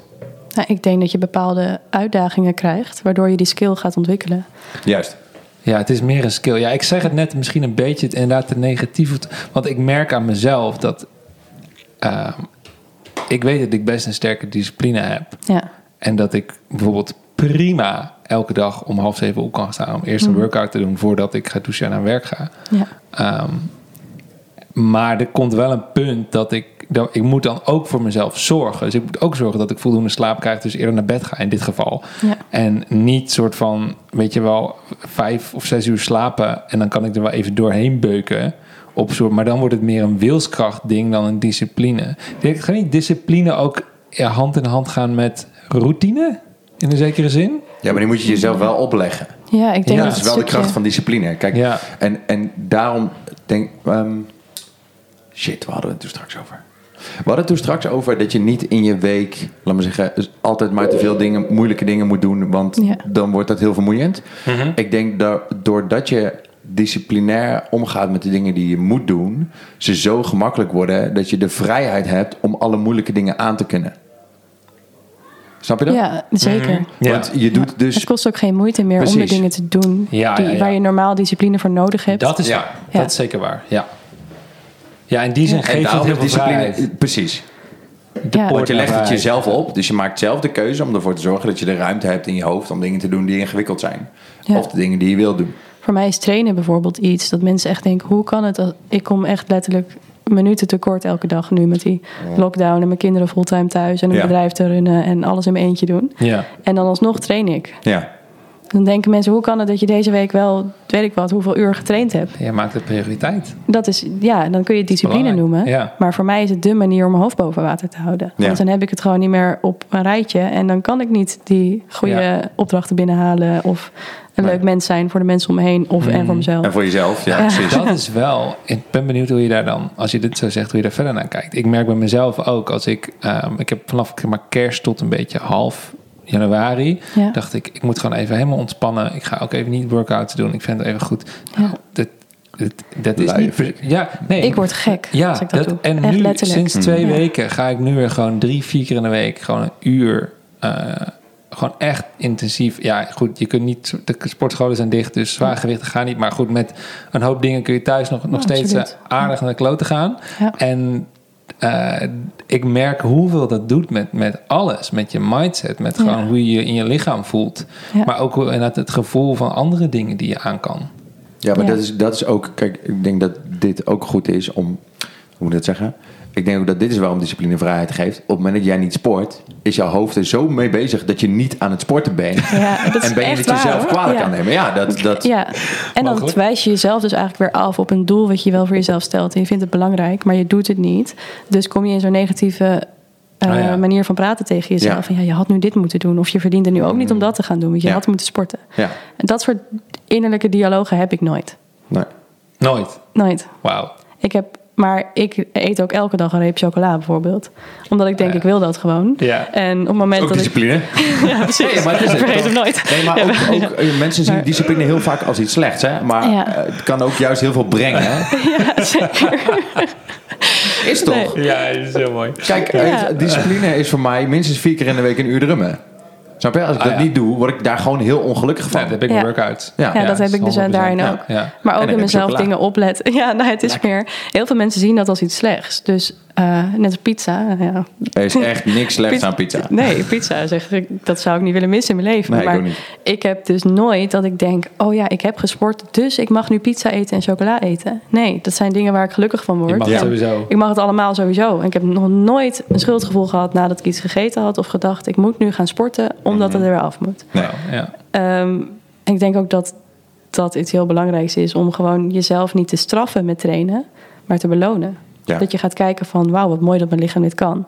En wat mooi dat ik mezelf de kans kan geven om dit te mogen eten. Ja. Waarbij ik ook gewoon in de basis goed voor mezelf zorg hoor. Ik probeer echt wel redelijk gezond te eten. maar dan weet je ook dat in de basis, denk ik, dingen oké zijn en in balans. Dan kun je jezelf alles gunnen en hoef je jezelf ook niet af te wijzen. Want je hebt Ja. allemaal je lichte en je donkere kanten. Mhm. En juist dat er allemaal laten zijn, denk ik dat dat heel belangrijk is. Ja, want dat is een beetje je 80-20, toch? Ja, je, heb jij dat boek gelezen? Die moet ik dus nog lezen. Maar Nee, dus Oh. even kijken wie meer gelezen heeft dan? Nee, maar ik ken de 80-20 regel in ieder geval wel. Dat als Ja. je in de basis 80% doet wat goed is voor je, dan Ja. heb je ook de ruimte om die rest van die eh 20% te pakken aan leuke dingen. Of Oh, die zo je zie je wil. ook. Ja, hij geldt volgens mij voor ongeveer alles. Dus ook in de zin Ja. van... Ja, ja, dat is ook het 20% concept. van je klanten geef je 80% van de koppijn. 20% van je klanten geef je ook 80% van de omzet. Oh, ja. En allemaal van dat soort dingen. En 20% van de... eh, nou, niet van de eten geef je 80% van de calorieën. Maar misschien ook wel... Ja. Nou, know, jawel, want Misschien dat is dus wel, twi- is het ja. de chocola wel. Ja. Qua volume misschien. I don't know. Maar er zijn, er zijn een hoop van dat soort dingen. Dat als je... Je kunt veel meer laten liggen dan je denkt. Zonder dat het je echt effect heeft op, Ja, denk op, ik wel. eh, op je leven in zekere zin. ja, ik denk ook alleen al de gedachte bijvoorbeeld dat je dik wordt van iets. Daar word je dik van. Ja, maar dat is toch ook sowieso mensen die emotie-eters zijn. Dan wordt zo'n visuele cirkel. Ja. Dus, dus dan, dan krijg je zo... Ik eet dit omdat ik mezelf niet waard vind om gezond te eten. En dan Ja, voel ik me ongelukkig en dan ga ik weer eten. En dan... Ja. Dit is hoe dit ja, werkt. ja, Ja. ja, Ja. ja, zeker. Ja. Ik denk overal waar je een soort van zware negativiteit op zet of een afwijzing naar jezelf, dat Maakt helpt het je niet zwaar. met groeien en het Nee. maakt het letterlijk zwaarder. Ja. En Ja. daar geloof ik ook echt wel in. Hey, jouw eigen podcast, eh, drie afleveringen heb je nu geloof ik? Twee pas. Twee, twee. Ja. Jouw eigen, We staan aan het prille begin. Ja, ja. En die heet eh, Own Who You Are. Ja, klopt. Waar komt dat vandaan?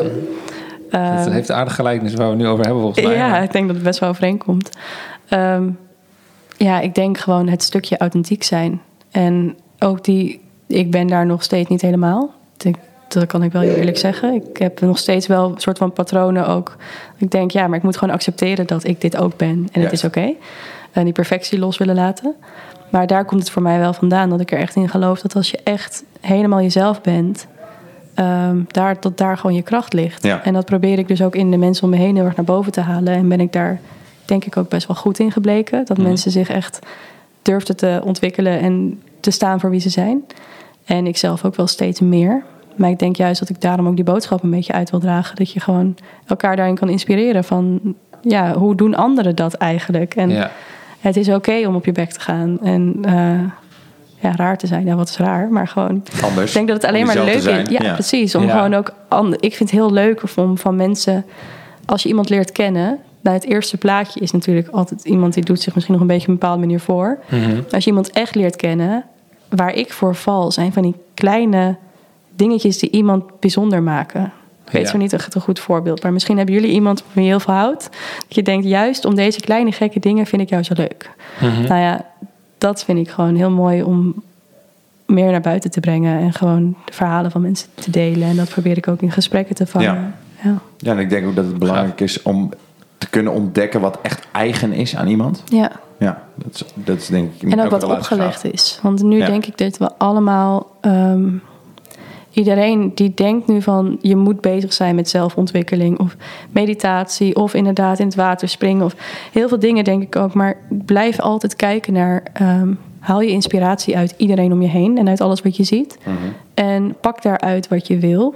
Maar wel omdat het bij jou past. En niet Ja, dat je de ja, ja. verwachtingen hebt van eh, hiermee kan ik indruk maken op die. Of hiermee word ik geaccepteerd en kan ik daar uiteindelijk komen. Mhm. Ik denk dat als we dat allemaal in ons hoofd houden, dan denk ik dat je daar veel gelukkiger van wordt. Ja. Ja, ik merk ook dat er bij mezelf bijvoorbeeld steeds minder de drang komt om dingen te delen. Steeds Ja. minder die behoefte.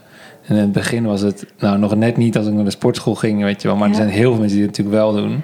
Ja, van kijk, ik ben er weer. En eigenlijk is dat dus ook zonde. Want het Zoeken is, van bevestiging en zo. En, maar dat is helemaal Ja. niet nodig. En, Nee, maar juist het wel ook- delen. Ik zou het bijvoorbeeld wel Ja, leuk vinden om, dat kijken. jij het deelt Ja. dat jij in het water gaat zwemmen of dat je in een sportschool staat. Ja, Omdat ik dan denk, hé, hey, hij doet het, ik kan het ook. ja Dus precies. op die maar manier het- motiveert. Maar vanuit welke motivatie deel je het? Dat is dan Ja, van deel je, het, het, ja. deel je het omdat je bevestiging nodig hebt, of deel Ja. je het omdat je het gewoon leuk vindt om te delen? Ja, dus is het, ben jij het of je ego? Ja, precies. Ja, Want ja. als je, als je het gebruikt ja. om...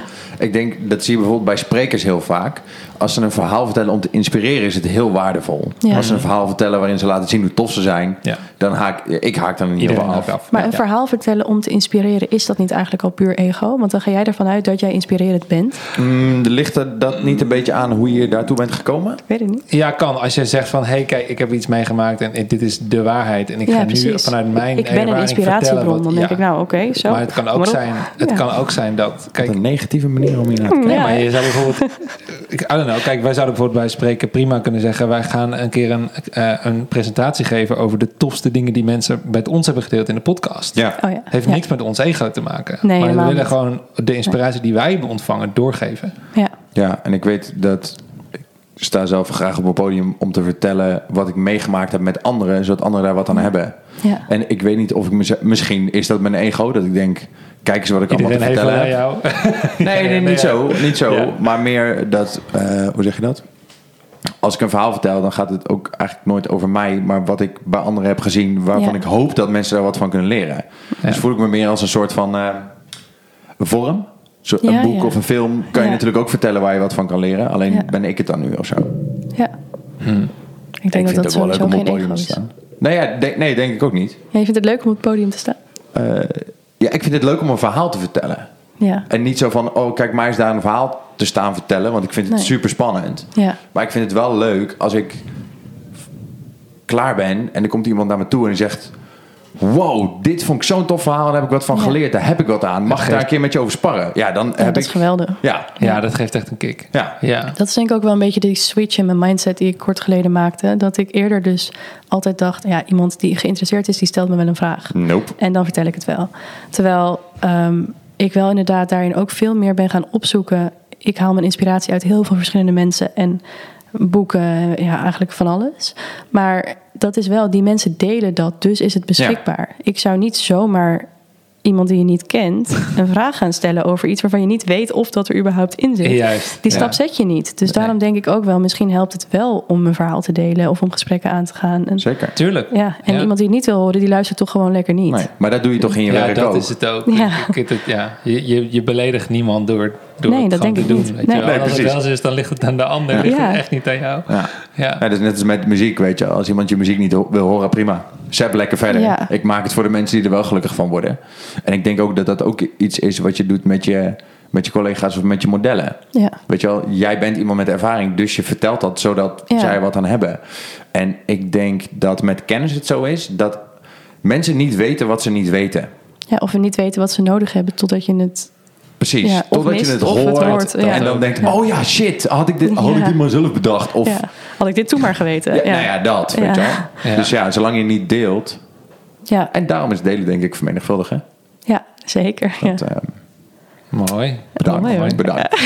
Kleine one-liner erin typen. Heb je voor je eigen podcast ehm, mensen die dat je denkt van, oh ja, die wil ik echt, die wil ik gaan spreken, die wil ik binnenkort uitnodigen, of, of, een, of een type mensen, een bepaalde lijn waar je naartoe wil. Allemaal Ik vragen, Lars. ja, Zo. ik, Nou ja, ik eh, snap dat een individu misschien lastig is, maar dan hè, richting is misschien Ja, nou ja, eigenlijk heel veel verschillen. Ik zou het leuk vinden om eh, met iemand in gesprek te gaan die echt dus zichzelf al helemaal accepteert en daar echt ja, die soort van die reis al heeft gemaakt en daarin een inspiratie kan zijn. Jan, die dat, eh, Jan Geurts of zo. Ja, misschien. Ja. Ja, Wie is dit? wel. ehm, toen heeft hij boeken geschreven van, hoe heet het, Liefdesbang. Eh, vers- eh. nee, dat is Hanna Kuppen. Eh, ja, maar hij verslaafd aan liefde, Oh, verslaafd aan verslaafd, liefde, verslaafd ja. aan gedachten. Hm. Ehm, hij, is, hij heeft op een gegeven moment, hij was ontzettend verslaafd aan van alles. Drugs, alcohol, seks. het ging allemaal het hele leven. De whole shebang, ja. Toen heeft hij, ik weet niet de details, maar volgens mij heeft hij ongeveer van de een op de andere dag gezegd... Fuck it, ik ga tien jaar lang in een campertje in de bergen in Italië of Spanje of zo zitten. En heeft hij gewoon alleen maar, is hij alleen maar in zichzelf gekeerd. Alleen maar naar zichzelf gekeken. En daar heeft hij ja, dat soort van verlichting gevonden. En ehm, complete zelfacceptatie. En, en ik, ik weet niet of hij dit alleen maar zelf gedaan heeft... dat hij daar ook nog externe hulpmiddelen bij had, zeg maar boeken of iets dergelijks. Maar eh, hij heeft nu een stuk of vijf, zes bestsellers geschreven... eh, ook internationaal vertaald, eh, hierover. Van hoe, hoe leer je helemaal die dingen te accepteren en hoe leer je vrij te komen van je gedachten en van nou ja, allerlei van dat soort zaken. Ja. Ik heb ook nog geen boek van hem gelezen hoor, maar wel wat podcasts met hem, dus ik weet het een beetje. Maar ja, het is wel interessant. Ik zou er wel ook wel meer in duiken. Ja. Dat zou wel Ja. mooi aansluiten, denk ik. Ja, dat soort Ja. dingen zeker. Inderdaad ook spreken over die vrijheid creëren en ja, dat in jezelf ook die, die belemmerende overtuigingen loslaten. Dat soort dingen vind ik zelf heel interessant om over te horen. Maar ik denk ook dat ehm, de vragen die ik in de afgelopen jaren vaak kreeg, was gericht op modellenwerk en hoe die Mhm. wereld in zijn, ja, in zijn werk ging en hoe je daarin jezelf ontwikkelt. En Mhm. ik denk dat het ook leuk is als ik daar eh gesprekken over aanga. Ja. Dus met Ja. mensen die modellenwerk hebben gedaan, misschien zelfs al langer geleden. Nu is het heel erg overgenomen door ook van die Instagram-modellen. En ja, ik zeg dat misschien een beetje. Nee, ik zeg het misschien een beetje op een kritische manier, Ja. maar het is meer. Ik vind het heel mooi dat het, dat het nu daardoor. Ja, ik vind het een mooie ontwikkeling, maar aan de andere kant vind ik dus ook jammer dat. Vroeger ging het er denk ik ook wel vaak om iemand die was gewoon heel goed in haar werk als model en eh, was echt een icoon. Ja. En er waren minder modellen en er werd op een bepaalde manier naar gekeken. Mhm. Terwijl nu wordt die, dat, ja, ik weet niet, die grens is wat Er zijn, er zijn er waarschijnlijk, toen waren, laten we zeggen, toen waren er 50 wereldwijd en nu zijn er 50.000. toen had je echt de topmodellen. Ja. En nu denk ik wel dat er ook, het is heel mooi als je die nu via Instagram bijvoorbeeld ook die, die rol hebt. Je bent topmodel, je hebt Mhm. een heel mooi verhaal te delen, maar ook bewust te zijn van die mensen die allemaal naar je luisteren. En Mhm. daar dus ook weer in mijn podcast vind ik dus ook blijf bij wie je bent en inspireer daarmee. Ja. Dan denk ik ook als je dan ineens die rol pakt en je hebt dat grote publiek, Heb je ook die verantwoordelijkheid? ja, en doe daar dan ook echt wat mee. Ja. Ja. Ehm, en daarin vind ik het heel mooi. Maar ik heb bijvoorbeeld ook meegemaakt toen ik in New York woonde voor modellenwerk. ehm, dat ik daar aankwam en de eerste vraag was: eh Je hebt Instagram, maar hij staat op privé. Wat is er mis met jou? Ah, ja. En dat ik echt zei van, eh, ja, nou ja, ik ben daar gewoon niet zo mee bezig. Ja, je moet hem nu online opengooien Ah. en je moet elke dag posten. ja. Dat ik echt dacht, ja, maar wat heb ik te melden dan? Waar zitten mensen op te wachten? Ja. Eigenlijk alweer Ja. verkeerd gedacht, van waar zit een ander op te wachten? Aha. Deel gewoon wat jij leuk vindt om te delen. Ja. Wie dat niet wil zien, die Ja. eh, ontvolgt je wel of die eh, gaat, ja, Hmm. die kijkt niet. Maar je moet er mee bezig zijn. Dit is Ja, onderdeel van je er- werk. ja. Dus Nou dat ja, is ook iets wat ik bij mijn modellen nu moet pushen. Van, het is goed om jezelf te laten zien. Ah ja, maar wat me ook wel interessant lijkt, wat, wat je dan met die Instagram-modellen, er zijn natuurlijk ook heel veel die gewoon dat zelf zijn gaan doen zonder de, dus ook de hulp en ervaring van een modellenbureau en, en Ja. dat soort zaken. En ehm, ik heb vaak genoeg eh, eh, een, een keer zo'n verhaal gelezen of gehoord van, ja, dat iemand, oh, je ziet ook wel eens iemand zo op straat staan en dan is er een vriendje die denkt, oh, moet het echt. En dan zo twaalf keer opnieuw. Eh, nog een keer dat haar. Dit is de beste hashtag die er bestaat. Insta-husband, oh ja. Maar dan moet dat haar nog een beetje zo. En daarna wordt het Ja. nog helemaal gefotoshopt. En dan, dat is ook een enorme... eh, op die manier ben je heel erg bezig eigenlijk met je onzekerheid. En met, met eh, het niet gewoon goed laten zijn zoals het is. Ja, Eh, in al vind zekere het dus zin. ook weer bewonderenswaardig wat daar dus de discipline achter is. Ja. Hè? En vanuit je, jezelf als business neerzetten. Ja. En hoeveel geld daarin omgaat in de hele wereld. Dan denk ik, ja, net zeg ik een beetje kritisch Instagram-model. Nou, ik zou denk ik ook wel denken, als je op zo'n manier zoveel geld kan verdienen. Ja, en daar ook nog, ja, wie niet? Ik denk dat heel veel, sorry, maar ik denk dat heel veel mensen wel denken, nou, als ik ermee zou kunnen ruilen. Ja, Ja, tuurlijk. maar dan zou ik het wel op mijn manier willen doen dat ik Ja. eh, dus wel een verhaal zou willen kunnen overbrengen. Of, eh, Gewoon meiden van 22 die Ja, met maar- eigen geld een huis kopen, weet je wel. Dat Ja, soort geintjes. precies. Ja, Dan denk ik, nou, 80, dat- 80 ja. of 800.000 euro klaar. Ja. Ja, maar dat, Ja. dat besef wat nu voor jou belangrijk is. Hè? Dus de, de invloed die je hebt, wat, verhaal Ja. je, wat voor verhaal je kan vertellen, wat je bereik is. Ja. Is dat ook niet iets wat je moet leren dat dat bestaat? Ik kan me voorstellen Ja. dat als iemand 21 is, dat hij denkt... I don't give a flying Ja. fuck wie ik hiermee inspireer. ja, dat misschien wel. Maar ik denk dat het Nee, maar dat als je al- wat ouder bent, dat je dat gaat beseffen wat je rol is. Ja, maar ik denk juist, dat er zit ook een stukje... ehm, dat het juist mooi is dat je nog niet beseft wat je rol is. En dat dat ook Mhm. Ja. inspirerend kan zijn. Dus Ja. juist ook die Ja. meiden die nog heel jong zijn... die wel een beetje delen wat ze aan het doen zijn... dat ook dat proces kan al inspireren. Terwijl je geen idee hebt dat je bezig bent met iets wat een ander inspireert. Ja. En ik denk dat juist dat natuurlijke stukje daarin vind ik ook heel leuk om dat op te zoeken. En daar zit dus weer die authenticiteit in. Van eh, ja, sommige personen kun je ook niet echt verklaren waarom je daar graag bij in de buurt bent of waarom iemand je inspireert. Het is gewoon zo. Mhm. Ja. In de kleinste dingetjes al. En dat vind ik een heel interessant ding. Dan denk Ja. ik, iedereen vindt bepaalde businessboeken goed. Als je van die lijst hebt staan van ja, iedereen kent bepaalde boeken wel. Mhm. Ja. Of hetzelfde met van die zelfhul- zelfhulpboeken. Of bepaalde ja, mediteren. Het is bewezen goed voor je. Het is Mhm. ademhalingsoefeningen, weet ik het. Trainen. Het is allemaal wetenschappelijk bewezen. Maar er zijn zoveel hele kleine dingetjes die, denk ik, nog meer voor jou persoonlijk dat verschil kunnen maken. Ja. En ook voor een ander die je niet i- per se uit dat ene boek kan halen. Ja. Ja. Nou ja, en daar is denk ik vorm ook heel belangrijk. Dus dat je... eh, ik, ik merk... Ik had laatst twee hele goede boeken. Ja, Eén was geschreven door een groep professionals... die heel veel verstand hadden van het vak wat ze hadden. Maar dat boek was op een manier geschreven... die echt helemaal niet bij mij paste. Dus die Ja. was...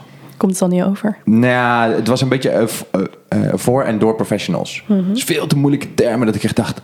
schrijf gewoon iets wat ik wil lezen. En daartegenover had ik een boek met een gast die net zo was als ik. Dus die gaf in de eerste, laat me zeggen, paragraaf al drie voorbeelden. Dat ik dacht, oh maat, ik snap jou. Ja. En jij hebt blijkbaar een oplossing, dus ik wil dit lezen. Ja. Weet je wel? En dat, dat ging om hele stomme dingen als de manier waarop hij met zijn gedachtegoed omgaat. De manier hoe hij zijn schema maakte en wat dus blijkbaar niet werkte. Ja. Weet je wel? Ik vind het wel leuk om daar dan een beetje die connectie mee te voelen. Maar ik vind het ook dus juist leuk als mensen delen wat niet werkt. En waar ze niet goed in zijn. nou, ja, dat. Juist dat. En dus dat Hoi, hoop ik ik maak in- ook fouten. Dat. Ja, en dat wil fijn. ik in mijn podcast dus ook gewoon. ehm, als ik nu merk, ben ik bijvoorbeeld mijn bedrijf echt aan het opbouwen. Mhm. En dat gaat ook met vallen en opstaan. En nu zit ik nog in dat proces. Ik vind het leuk om daar dan af en toe wel mensen in mee te nemen. En ja, ik geef ook bijvoorbeeld eerlijk aan dat ik soms, zoals nu in deze periode, de afgelopen twee weken, ik werd knettergek van alles wat tegelijk kwam. En tussendoor nog even een vlucht moeten gaan boeken. En een nieuwe klant die ineens vanuit Italië rechtstreeks via mij wil gaan boeken. Nou, dat is geweldig. Ja. Maar ehm, op het moment dat je met twee kinderen thuis zit en geen seconde toekomt aan iets. En dan moet je dat ook weer gaan doen. Ja, ik had wel eventjes dat ik dacht, ja, en hoe dan? Gewoon er niet meer over na kunnen denken. terwijl het een heel Ja. simpel iets is. Maar dat zijn dingen die ik dan tussendoor misschien kan delen. Maar uiteindelijk denk ik dat het ook leuk is om voor mensen om te horen van... Ja, je wordt niet van op de een op de andere dag... heb je je bedrijf wat steady staat. En daar heb je je inkomen uit. En Nope. Dat doe je allemaal maar gewoon een Ja. beetje. Maar juist ook dat soort verhalen van mensen delen. Van waar ben je op je bek gegaan? En ehm, wat heeft je uiteindelijk gebracht? Nou, nu we Dat- daar dan toch zijn. Wa- wa- wa- Kun jij mooie delen? Oh, ja, zoveel. Ik denk dat bij mij dus heel veel het, het stuk is geweest van heel erg mijn eigen rem zijn. En dat, ja, dat is misschien een beetje, dit is niet echt een concreet voorbeeld, maar ik heb dus wel vaak in mijn leven momenten gehad dat ik eigenlijk alle kansen er wel lagen. En ik heb dus wel heel veel discipline en ik ga overal vol voor. Maar ook dan die bescheidenheid die mij dan altijd in de weg zit. Waarbij ik dan daardoor dingen dus bijvoorbeeld niet heb eh, Ah, wauw. opgepakt. Ja, of ja, eh, ja, ik heb bijvoorbeeld ook bewust natuurlijk de keuze gemaakt om ehm, toen ik kinderen kreeg, wilde ik eerst met mijn kinderen thuis zijn. Ja. Maar dan daar weer een beetje uit gaan komen en de balans tussen schuldgevoel hebben, naar voor jezelf kiezen en je eigen dromen volgen. Tussen ja, anderen op, de, op één zetten en mezelf weer wegcijferen. Dat zijn dingen waar ik echt nog altijd wel heel erg mijn weg in aan het zoeken ben. En dan denk ik als mensen naar mij kijken dat ze denken: oh ja, die is wel helemaal in balans. Ben ik ook 9 van de 10 keer. Maar dat is wel iets waar ik heel bewust keihard aan het werk ben. zeg. Ja. Ja. En ik denk dat dat is iets wat mensen niet echt zien. Die Nee. denken van, oh ja, het gaat je wel, het gaat je allemaal volgens mij best wel makkelijk af. Of, eh, Ja, en dat is natuurlijk Ja. ook met social media en, en dat soort Ja. zaken. Is het, het is veel makkelijker om te delen wat goed gaat. ja, en dat is denk ik Ja. ook iets wat ik, bij mij is het, ik ben gewoon niet negatief ingesteld. Dus ook al is alles shit, dan zie ik nog steeds het mooie daarin, zeg maar. Oh ja. En zo is mijn visie, dus dat hoef ik ook niet te faken of zo. Maar dan is het voor mij dus wel een uitdaging om ook in die kwetsbaarheid daarin wel ook gewoon toe te geven. Ja, ik weet het nu af allemaal niet. Nou, die periode heb ik ook wel nu in de afgelopen tijd ook wat vaker gehad. Dat ik Mm. denk van, oh ja, ja, dit is wel even een momentje wat, wat ook goed is om bij stil te staan. Van, Ja. ik weet het even niet, maar toch red ik het wel weer. En ja. ja, ja, het is niet meteen het einde van de wereld. nee. Nee. Nee, en ik denk dat dat het lastige is als mens wanneer je het fijn vindt om altijd te ontwikkelen en te groeien. Dat je ook soms even beseft dat wat er al gebeurd is goed is. Ja, en dat vind ik dus inderdaad ook wel moeilijk. Mhm. Nou, maar daarom is denk ik gesprek met anderen heel goed. Zodat je dat Ja. soms ook eens even terugkrijgt. Krijgt. Zo van, hé hey Malou, luister, zie je ook even waar je al staat en wat je gedaan hebt. Ja, dat is iets waar ik eerder heel ongemakkelijk bij werd ook. Dan meteen dacht ik, ja, nou, er stelt toch niks voor. Of, Mhm. ja, eh, dat je dat zelf Oh, een ja. beetje weg... Ja, dat, ja, ja. ja. en dat is denk ik ook als je dat af en toe een keer terugkrijgt. Maar misschien ook, ik denk, ik ben eigenlijk altijd wel redelijk zelfverzekerd. Ik voel me goed, ik ben vrolijk. Dus denk ook dat mensen dan in minder snel de neiging hebben om je een compliment te geven. Ja. Omdat ze ervan uitgaan van, oh, maar dat weet ze wel. Ja, het gaat toch Oh, wel ja, goed met het niet nodig of Ja, zo. terwijl ik ja. eigenlijk wel aan mezelf heb gemerkt dat ik wel soms die bevestiging heel fijn vind. Mhm. Ja. Ehm, En dan niet, de bevestiging hoeft niet van buiten te komen, maar ook gewoon in de relaties met de mensen die er echt toe doen, is het voor mij heel belangrijk om af en toe eventjes te horen van, hé, hey, ik, ik zie je, ik waardeer je of ik ben trots op wat je doet. Mhm. Terwijl mensen er denk ik eerder aan voorbij gaan, omdat ik dat zelf wel heel erg uit naar anderen, maar het ook eigenlijk niet nodig lijkt te hebben. Dan is dat, zijn dat wel van die dingen die ik merk van, oh, eigenlijk toch wel. Ja. Ja, Ja, maar ik denk ook dat je dat Mooi. soort dingen merkt op de momenten dat je ook kwetsbaar bent en de behoefte hebt. ja. Weet je, als ik me supergoed voel, dan hoef ik dat niet drie keer per dag te horen. Nee. Snap je? Maar als Ja. ik echt in een soort van Ja. down zit, vind ik het wel lekker dat iemand het af en toe even vraagt: Hé hey maat, hoe gaat het eigenlijk met je? ja, maar geef je dan ook eerlijk antwoord?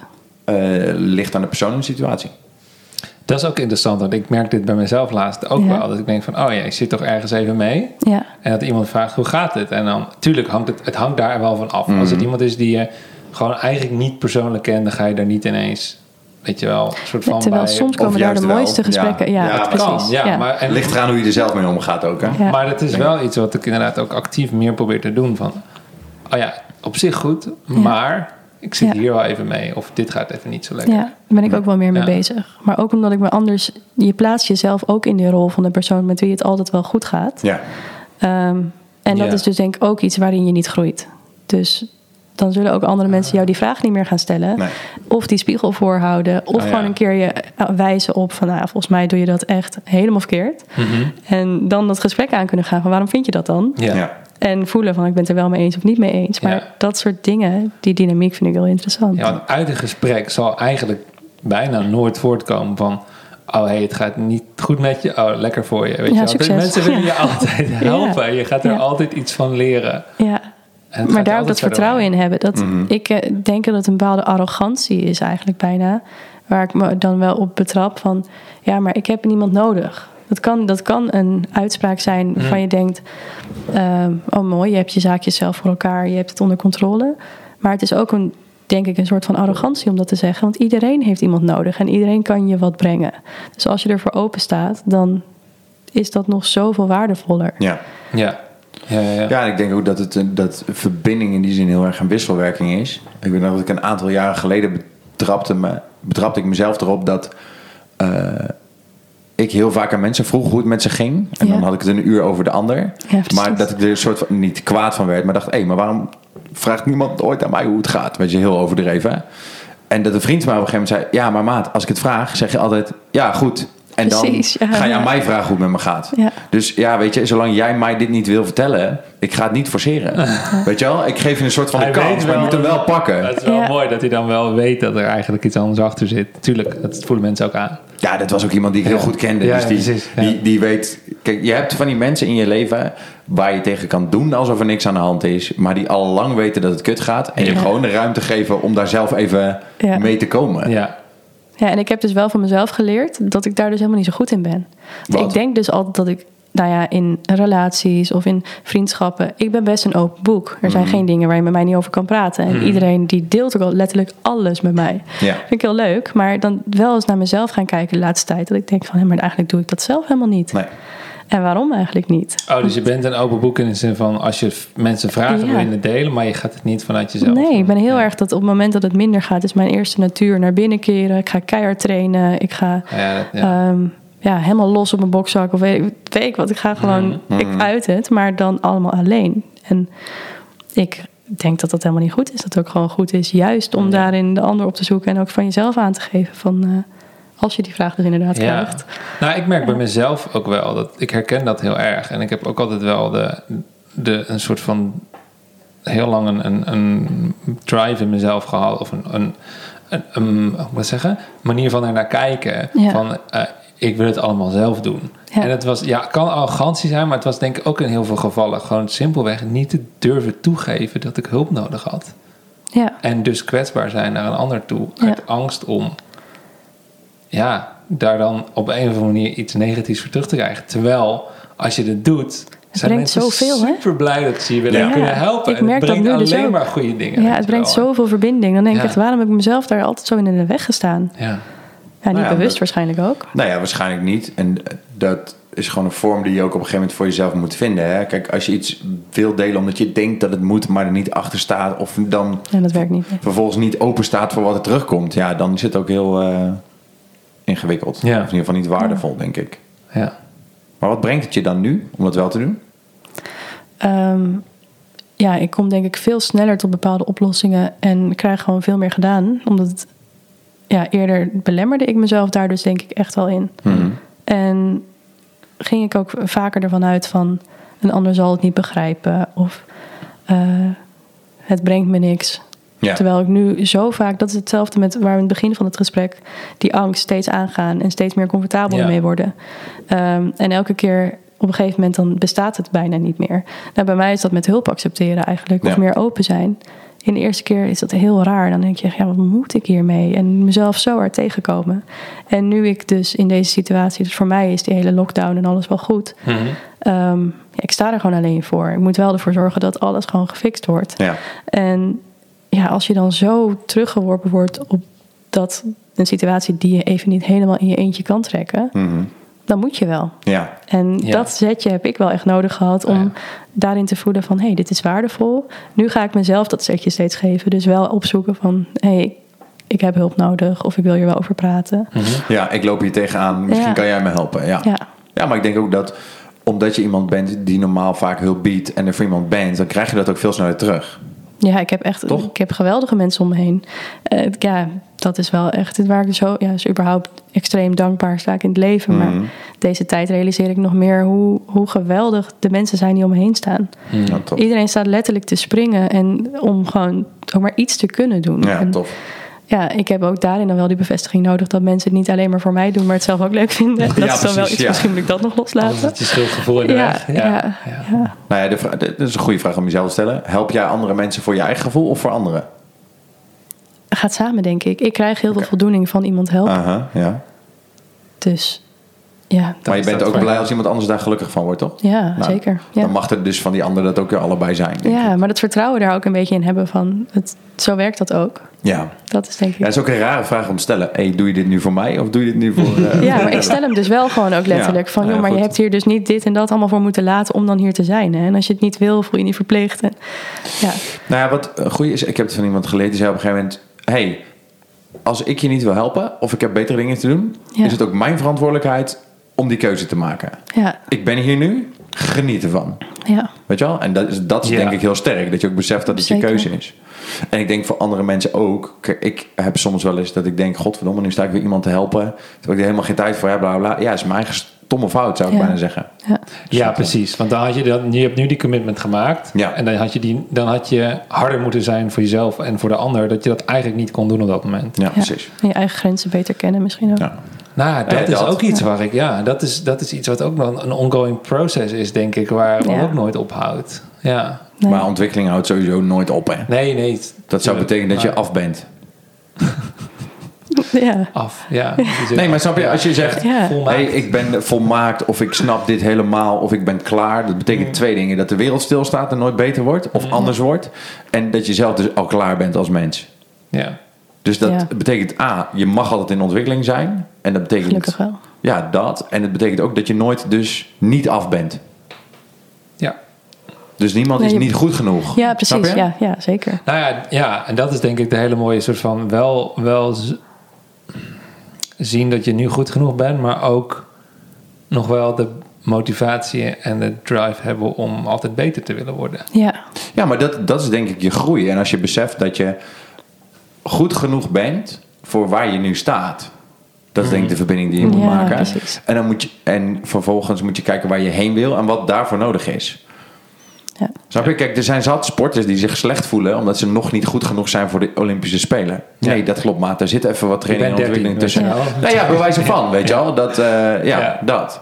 En dan moeten ze beseffen dat ze voor een 13-jarige eh, het beste zijn in hun sport op dat moment. Ja, dus ze zijn waar ze moeten zijn. Maar als ze op hun 18-jarige op de Spelen Juist. willen lopen, Ja, ja, dan heb je nog wel wat stappen te gaan. ja. Ja. En waarschijnlijk willen ze allemaal zo goed zijn als dat ze zijn eh, als ze 18 zijn. Maar hebben jullie ook 13e. dat als je nu terugkijkt naar bijvoorbeeld een paar jaar terug, of een bepaald moment, dat je dan nu denkt, had ik maar met mijn ogen van nu naar mezelf gekeken toen? Och, elke week. Ja? Ja. Nou, ik heb dat... Mijn, Ik zie het wel, Ja. maar het is niet dat ik er denk van had ik maar op een manier van dat ik het mezelf kwalijk neem dat ik dat toen dat inzicht nog niet had. Het is niet dat ik, het, dat ik spijt Nee. heb of zo. Het is wel dat ik denk, god, het was toch wel heel handig geweest. ik heb Ja. mezelf daar heel lang voor de gek gehouden. Of ik heb Praktisch. dat, dat Ja. gewoon heel lang daar last van gehad omdat ik dat toen nog niet wist of dat inzicht niet had. Of Mhm. kijk, nu is er dan iemand die zegt, hey, dit zit zo en dan kun je daarmee aan de gang. Maar als dat tien jaar geleden was gebeurd, who knows hoe we afgelopen tien jaar dan uit hadden gezien, bij wijze van spreken. weet je wel, dat, dat soort dingen kunnen er zijn. Maar aan de andere kant is dat denk ik ook een stukje vertrouwen dat ja, het, het, het is zoals het moet zijn. Het is gegaan zoals het had moeten gaan. Mhm. En het gaat ook in de toekomst zoals het moet gaan. Het is prima. Ja, vertrouwen hebben daar ook in. Ja. Ja. En ja. Nou, ik heb dat wel eens. Maar ik, ik dwing mezelf dan wel om te kijken wat dan het leermoment is voor het moment dat ik er nog een keer tegenaan loop. Mhm. ja, ik ben bijvoorbeeld heel slecht in keuzes maken. Oh, ik ook. Dat, dat, dat, weet je, ik Ja. ben een aantal jaren geleden in New York gaan doen. En elke keer als het kut gaat, denk Ja. ik: oh fuck, ik had toen moeten luisteren naar die en die. En ik had toen dit of dat moeten doen. En als ik dit beter had gedaan, was het nu niet zo gelopen. Bla bla bla bla bla. Ja. En de, laatst liep ik een soort van compleet vast. En toen belde ik mijn oude baas.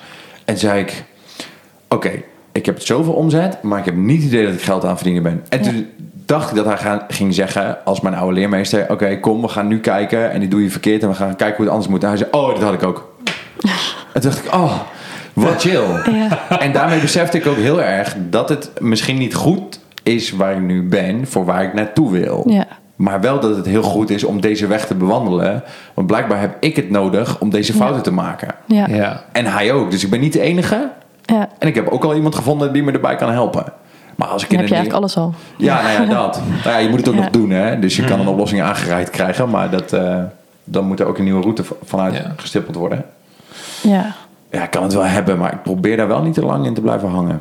Ja, het is niet zo dat ik het altijd maar gewoon makkelijk accepteer hoor. Het klonk, net misschien iets te makkelijk. Maar het is ook zo, ik zit daar heus wel eens mee. Dat ik denk van... Oh, Ja, het klonk wel heel tof. Nou ja, Oh, nee, maar wil is oprecht. Ik eh, probeer dat heel erg los te laten. En, maar natuurlijk heb je wel eens dat je denkt van... hmm, dat heb ik echt... Dat was... Dat had ik misschien... Ja, met de kennis van nu, dan, is het, dan kan ik mezelf heel goed niet kwalijk nemen. Er zijn ook dingen dat je, denkt met van, dingen waar je spijt Ik heb van een andere keuze gemaakt dan ik had kunnen maken. Ja. Maar dan is het... Dan had je de kennis al. Dan Ja, heb je niet een goede beslissing gemaakt. Ja, het lastige is dat je dat, Dat natuurlijk ook nooit weet. Of je leven daadwerkelijk anders zou zijn als. Nee, en dat is het mooie, want dat is met keuzes maken. Je kunt maar voor één kant kiezen. ja. En je weet ook Dus- nooit wat de uitkomst is als je de andere had gekozen. Nee. Nee. Dus in principe maakt het niet uit. nee. Nee, het zou Tenminste, fijn zijn als je dat los kon laten. Ja, heel moeilijk. Ja. Ja. Hoe is dat voor jou? Nou ja, loslaten is het ding bij mij wat gewoon... Dat is mijn levensles, denk ik. Mhm. Dus ik, ja, ik heb nergens spijt van, Goed zo. volgens mij. Nu heb ik misschien eh, iemand die nu zegt... Nou, ik hoop dat je daar maar heel Ja. nee. nee, ik- Geen idee. nee, nee ik, maar ik merk wel, loslaten is bij mij wel een dingetje. Dat, eh, ja, en keuzes maken, dus hetzelfde hoe jij dat ook zegt. Mhm. Maar ik word er nu wel beter in dat ik gewoon dan inderdaad kan denken...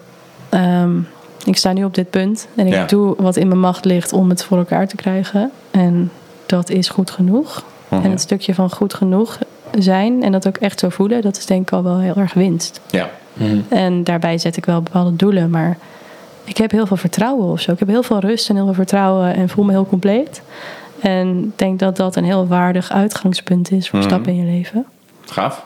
Dus ik denk Ja, dat dat ik daar heel heel dankbaar mooi. voor ben. Ja, Ja, tof. Gewoon vertrouwen in jezelf of in het leven aan zich, in het Ja, universum. alles denk ik. Mijn gewoon- leven staat compleet op zijn kop. Daar kan ik ook gewoon eerlijk over zijn. Dat het Mm. is gewoon, ik heb nu een jaar twee keer verhuisd. En een relatie waarvan ik van uitging dat het gewoon voor het leven was. Mhm. Ehm, want zo ben ik wel. Als ik ergens voor ga, dan, Ja. dan ga ik er vol voor.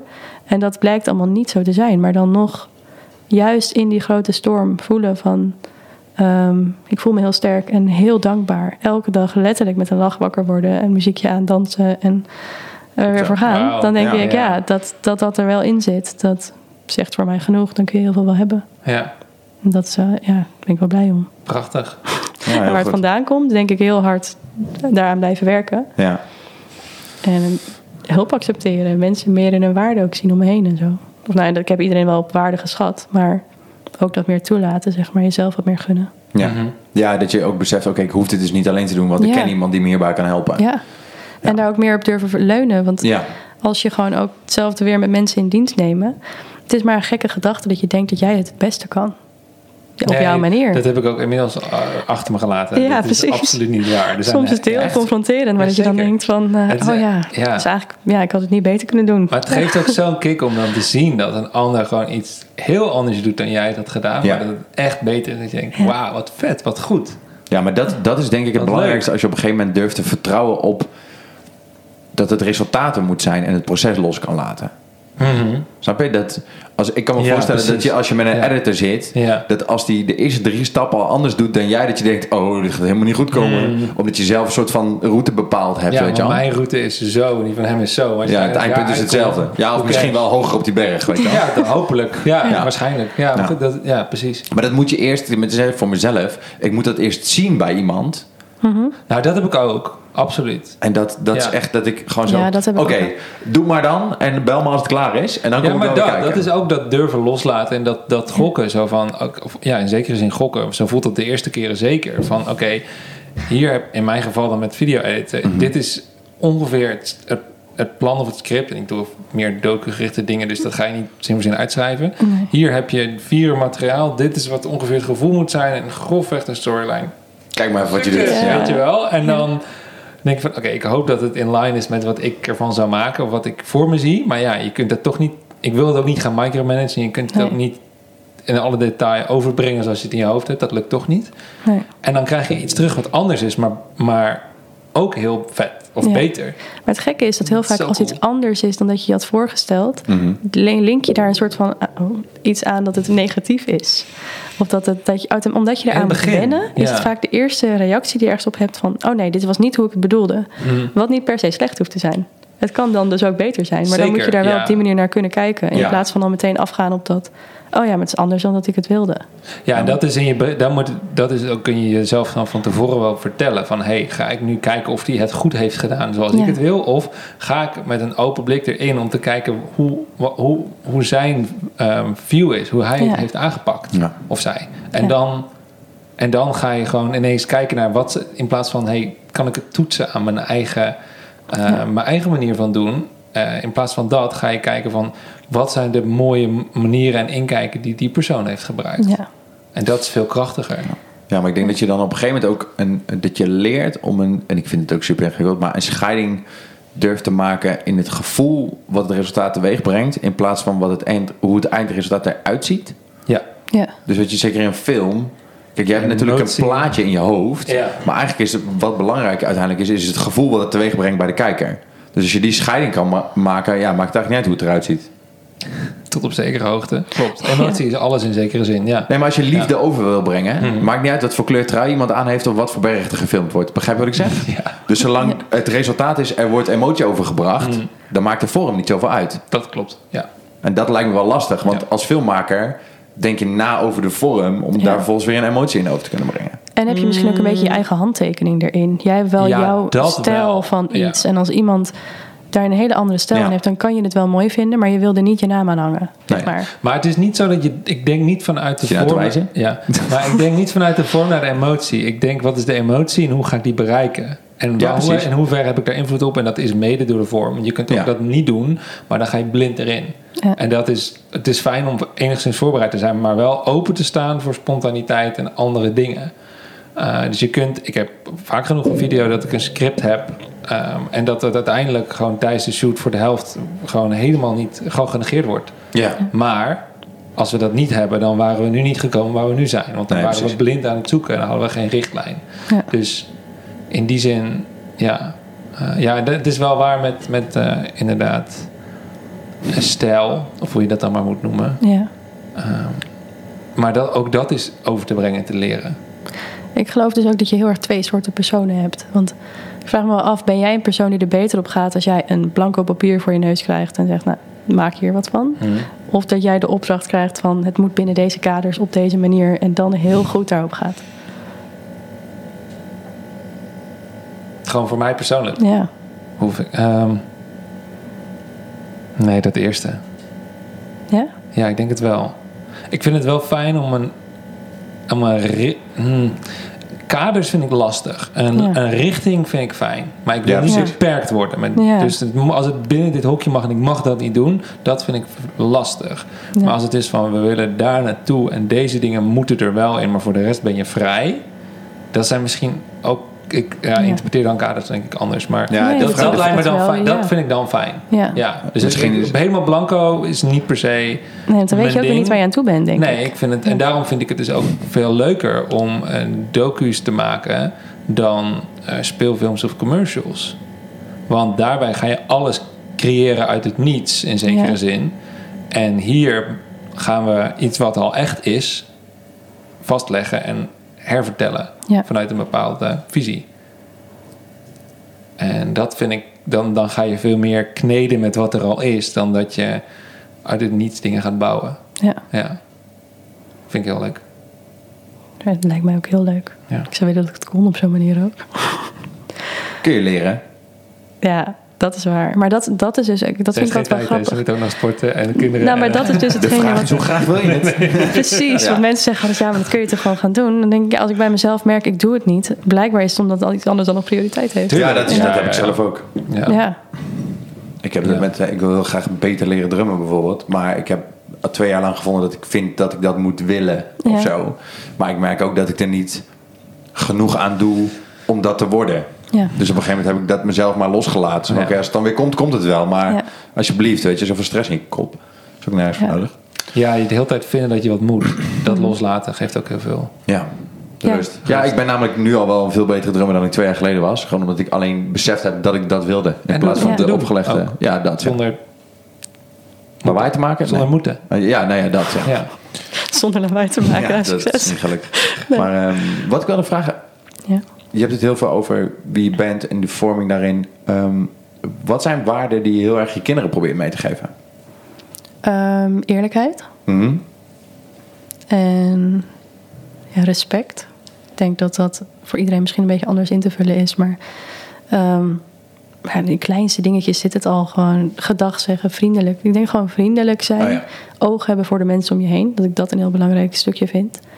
Ehm, ja, bepaalde... Ik denk gewoon de tools meegeven om een fijn mens te zijn in een samenleving. Juist. En wat fijn is, is denk ik gewoon... Dus inderdaad, als er respectvol met je omgegaan wordt... en dat je mensen accepteert om hoe ze zijn. Ik denk als ik dat ze mee kan geven... dus ook letterlijk dat is hoe ik met mijn kinderen omga. Ja. Ja. Dat dat al wel een basis is. En zoveel mogelijk... ehm, ja, mezelf als een soort van... Ja, dat heb ik mijn modellenbureau eigenlijk ook. Ik zie mezelf als iemand die wel wil helpen... en wil helpen ontwikkelen... maar ik sta maar aan de zijlijn. Ja. Dus, Met echt een ehm, coach. ja. Ja. en dat is denk ik het mooiste dat je uiteindelijk gewoon eh, jezelf als begeleider ziet om iemand anders een eigen pad te laten volgen. En Ja. vooral niet te denken: dit is jouw pad of dat moet je gaan doen. Mhm. Maar gewoon alles faciliteren om iemand in zijn kracht te zetten. Ja, tof. En dat zie ik in heel veel dingen. In, van opvoeding tot in managen en in mijn Mhm. bedrijf. Ja. Ja, ik denk ook dat... Doe je dat in vriendschappen bijvoorbeeld ook? Ja, ik denk het wel. Ja, fijn. Hoop ik in ieder geval. Ja. Ja. Nou ja, ik denk als je dat van jezelf kan zeggen, dat het waarschijnlijk wel zo is. Ja, ik merk nu in deze periode wel dat er gewoon heel veel tijd gaat voor mij naar mijn bedrijf. En Mhm. ehm, ja, ik ga bijvoorbeeld eerder trainen dan dat ik een sociale afspraak met een vriend of zo wel door laat gaan. Oh ja. Omdat ik dan weet dat als ik dan de volgende keer daar wel ben, dan ben ik wel gewoon eh, oké. En Ja, ik heb aan mezelf en- gedacht. En ik ben daar echt vol omdat ik daar wil zijn. Ja. Ehm, en dat voel ik me soms wel als een slechte vriendin. En nu ook naar vriendinnen die, waar ik er ook voor wil zijn. Maar ik Mhm. heb de ruimte en de tijd er dan nu gewoon niet voor. Nee. Dus in dat opzicht vind ik dat wel, dat zou ik wel meer willen kunnen of weer willen doen. Maar Nou ja, maar ik denk dat het goed is, net als met zo'n zuurstofmasker. Hè? Je moet eerst voor jezelf Ja. kunnen zorgen voordat Ja. je voor een ander kan dat zorgen. ben ik heel erg aan het leren. Dat is Ah, echt ja. wel een proces. Ja, Ja, ik vind het ook Ja. ingewikkeld. Ik Ja. zorg er altijd voor de, bijvoorbeeld dat eerst iedereen gegeten heeft. Terwijl Ja. ik zelf dan misschien nog de hele dag niks gegeten heb. ja. Snap je? Ja, nee, ja echt dit dit soort dingen. Ja, heel erg. Ja. Ja. Heb jij nog iets wat je onze luisteraars mee wil geven? Ehm, dat ze vooral naar jullie moeten blijven luisteren. Bedankt. bedankt. Nee, nee. Oh. Ehm, ja, nee, gewoon dankbaarheid. Ja. Eh, geluk in jezelf vinden. Ehm, lief zijn voor de mensen om je heen. Ik denk dat. Kijk, Mooi. tof. Mooi om mee af te sluiten. Ja? Ja. Thanks dat je er was. Heel tof. Jullie heel erg bedankt. Wij zijn ook heel dankbaar. Thanks. Zeker. Bedankt. Hey, bedankt voor het luisteren naar de Bewonderaars podcast. Super gaaf dat je luistert en we hopen dat je alles wat jij vindt met ons wilt delen. Ja, dat kun je doen op Instagram, de bewonderaars. Of eh, laat bijvoorbeeld een review achter op Apple Podcasts. Ja, en voor alles wat je denkt dat wij interessant vinden, stuur ons deze DM. Thanks.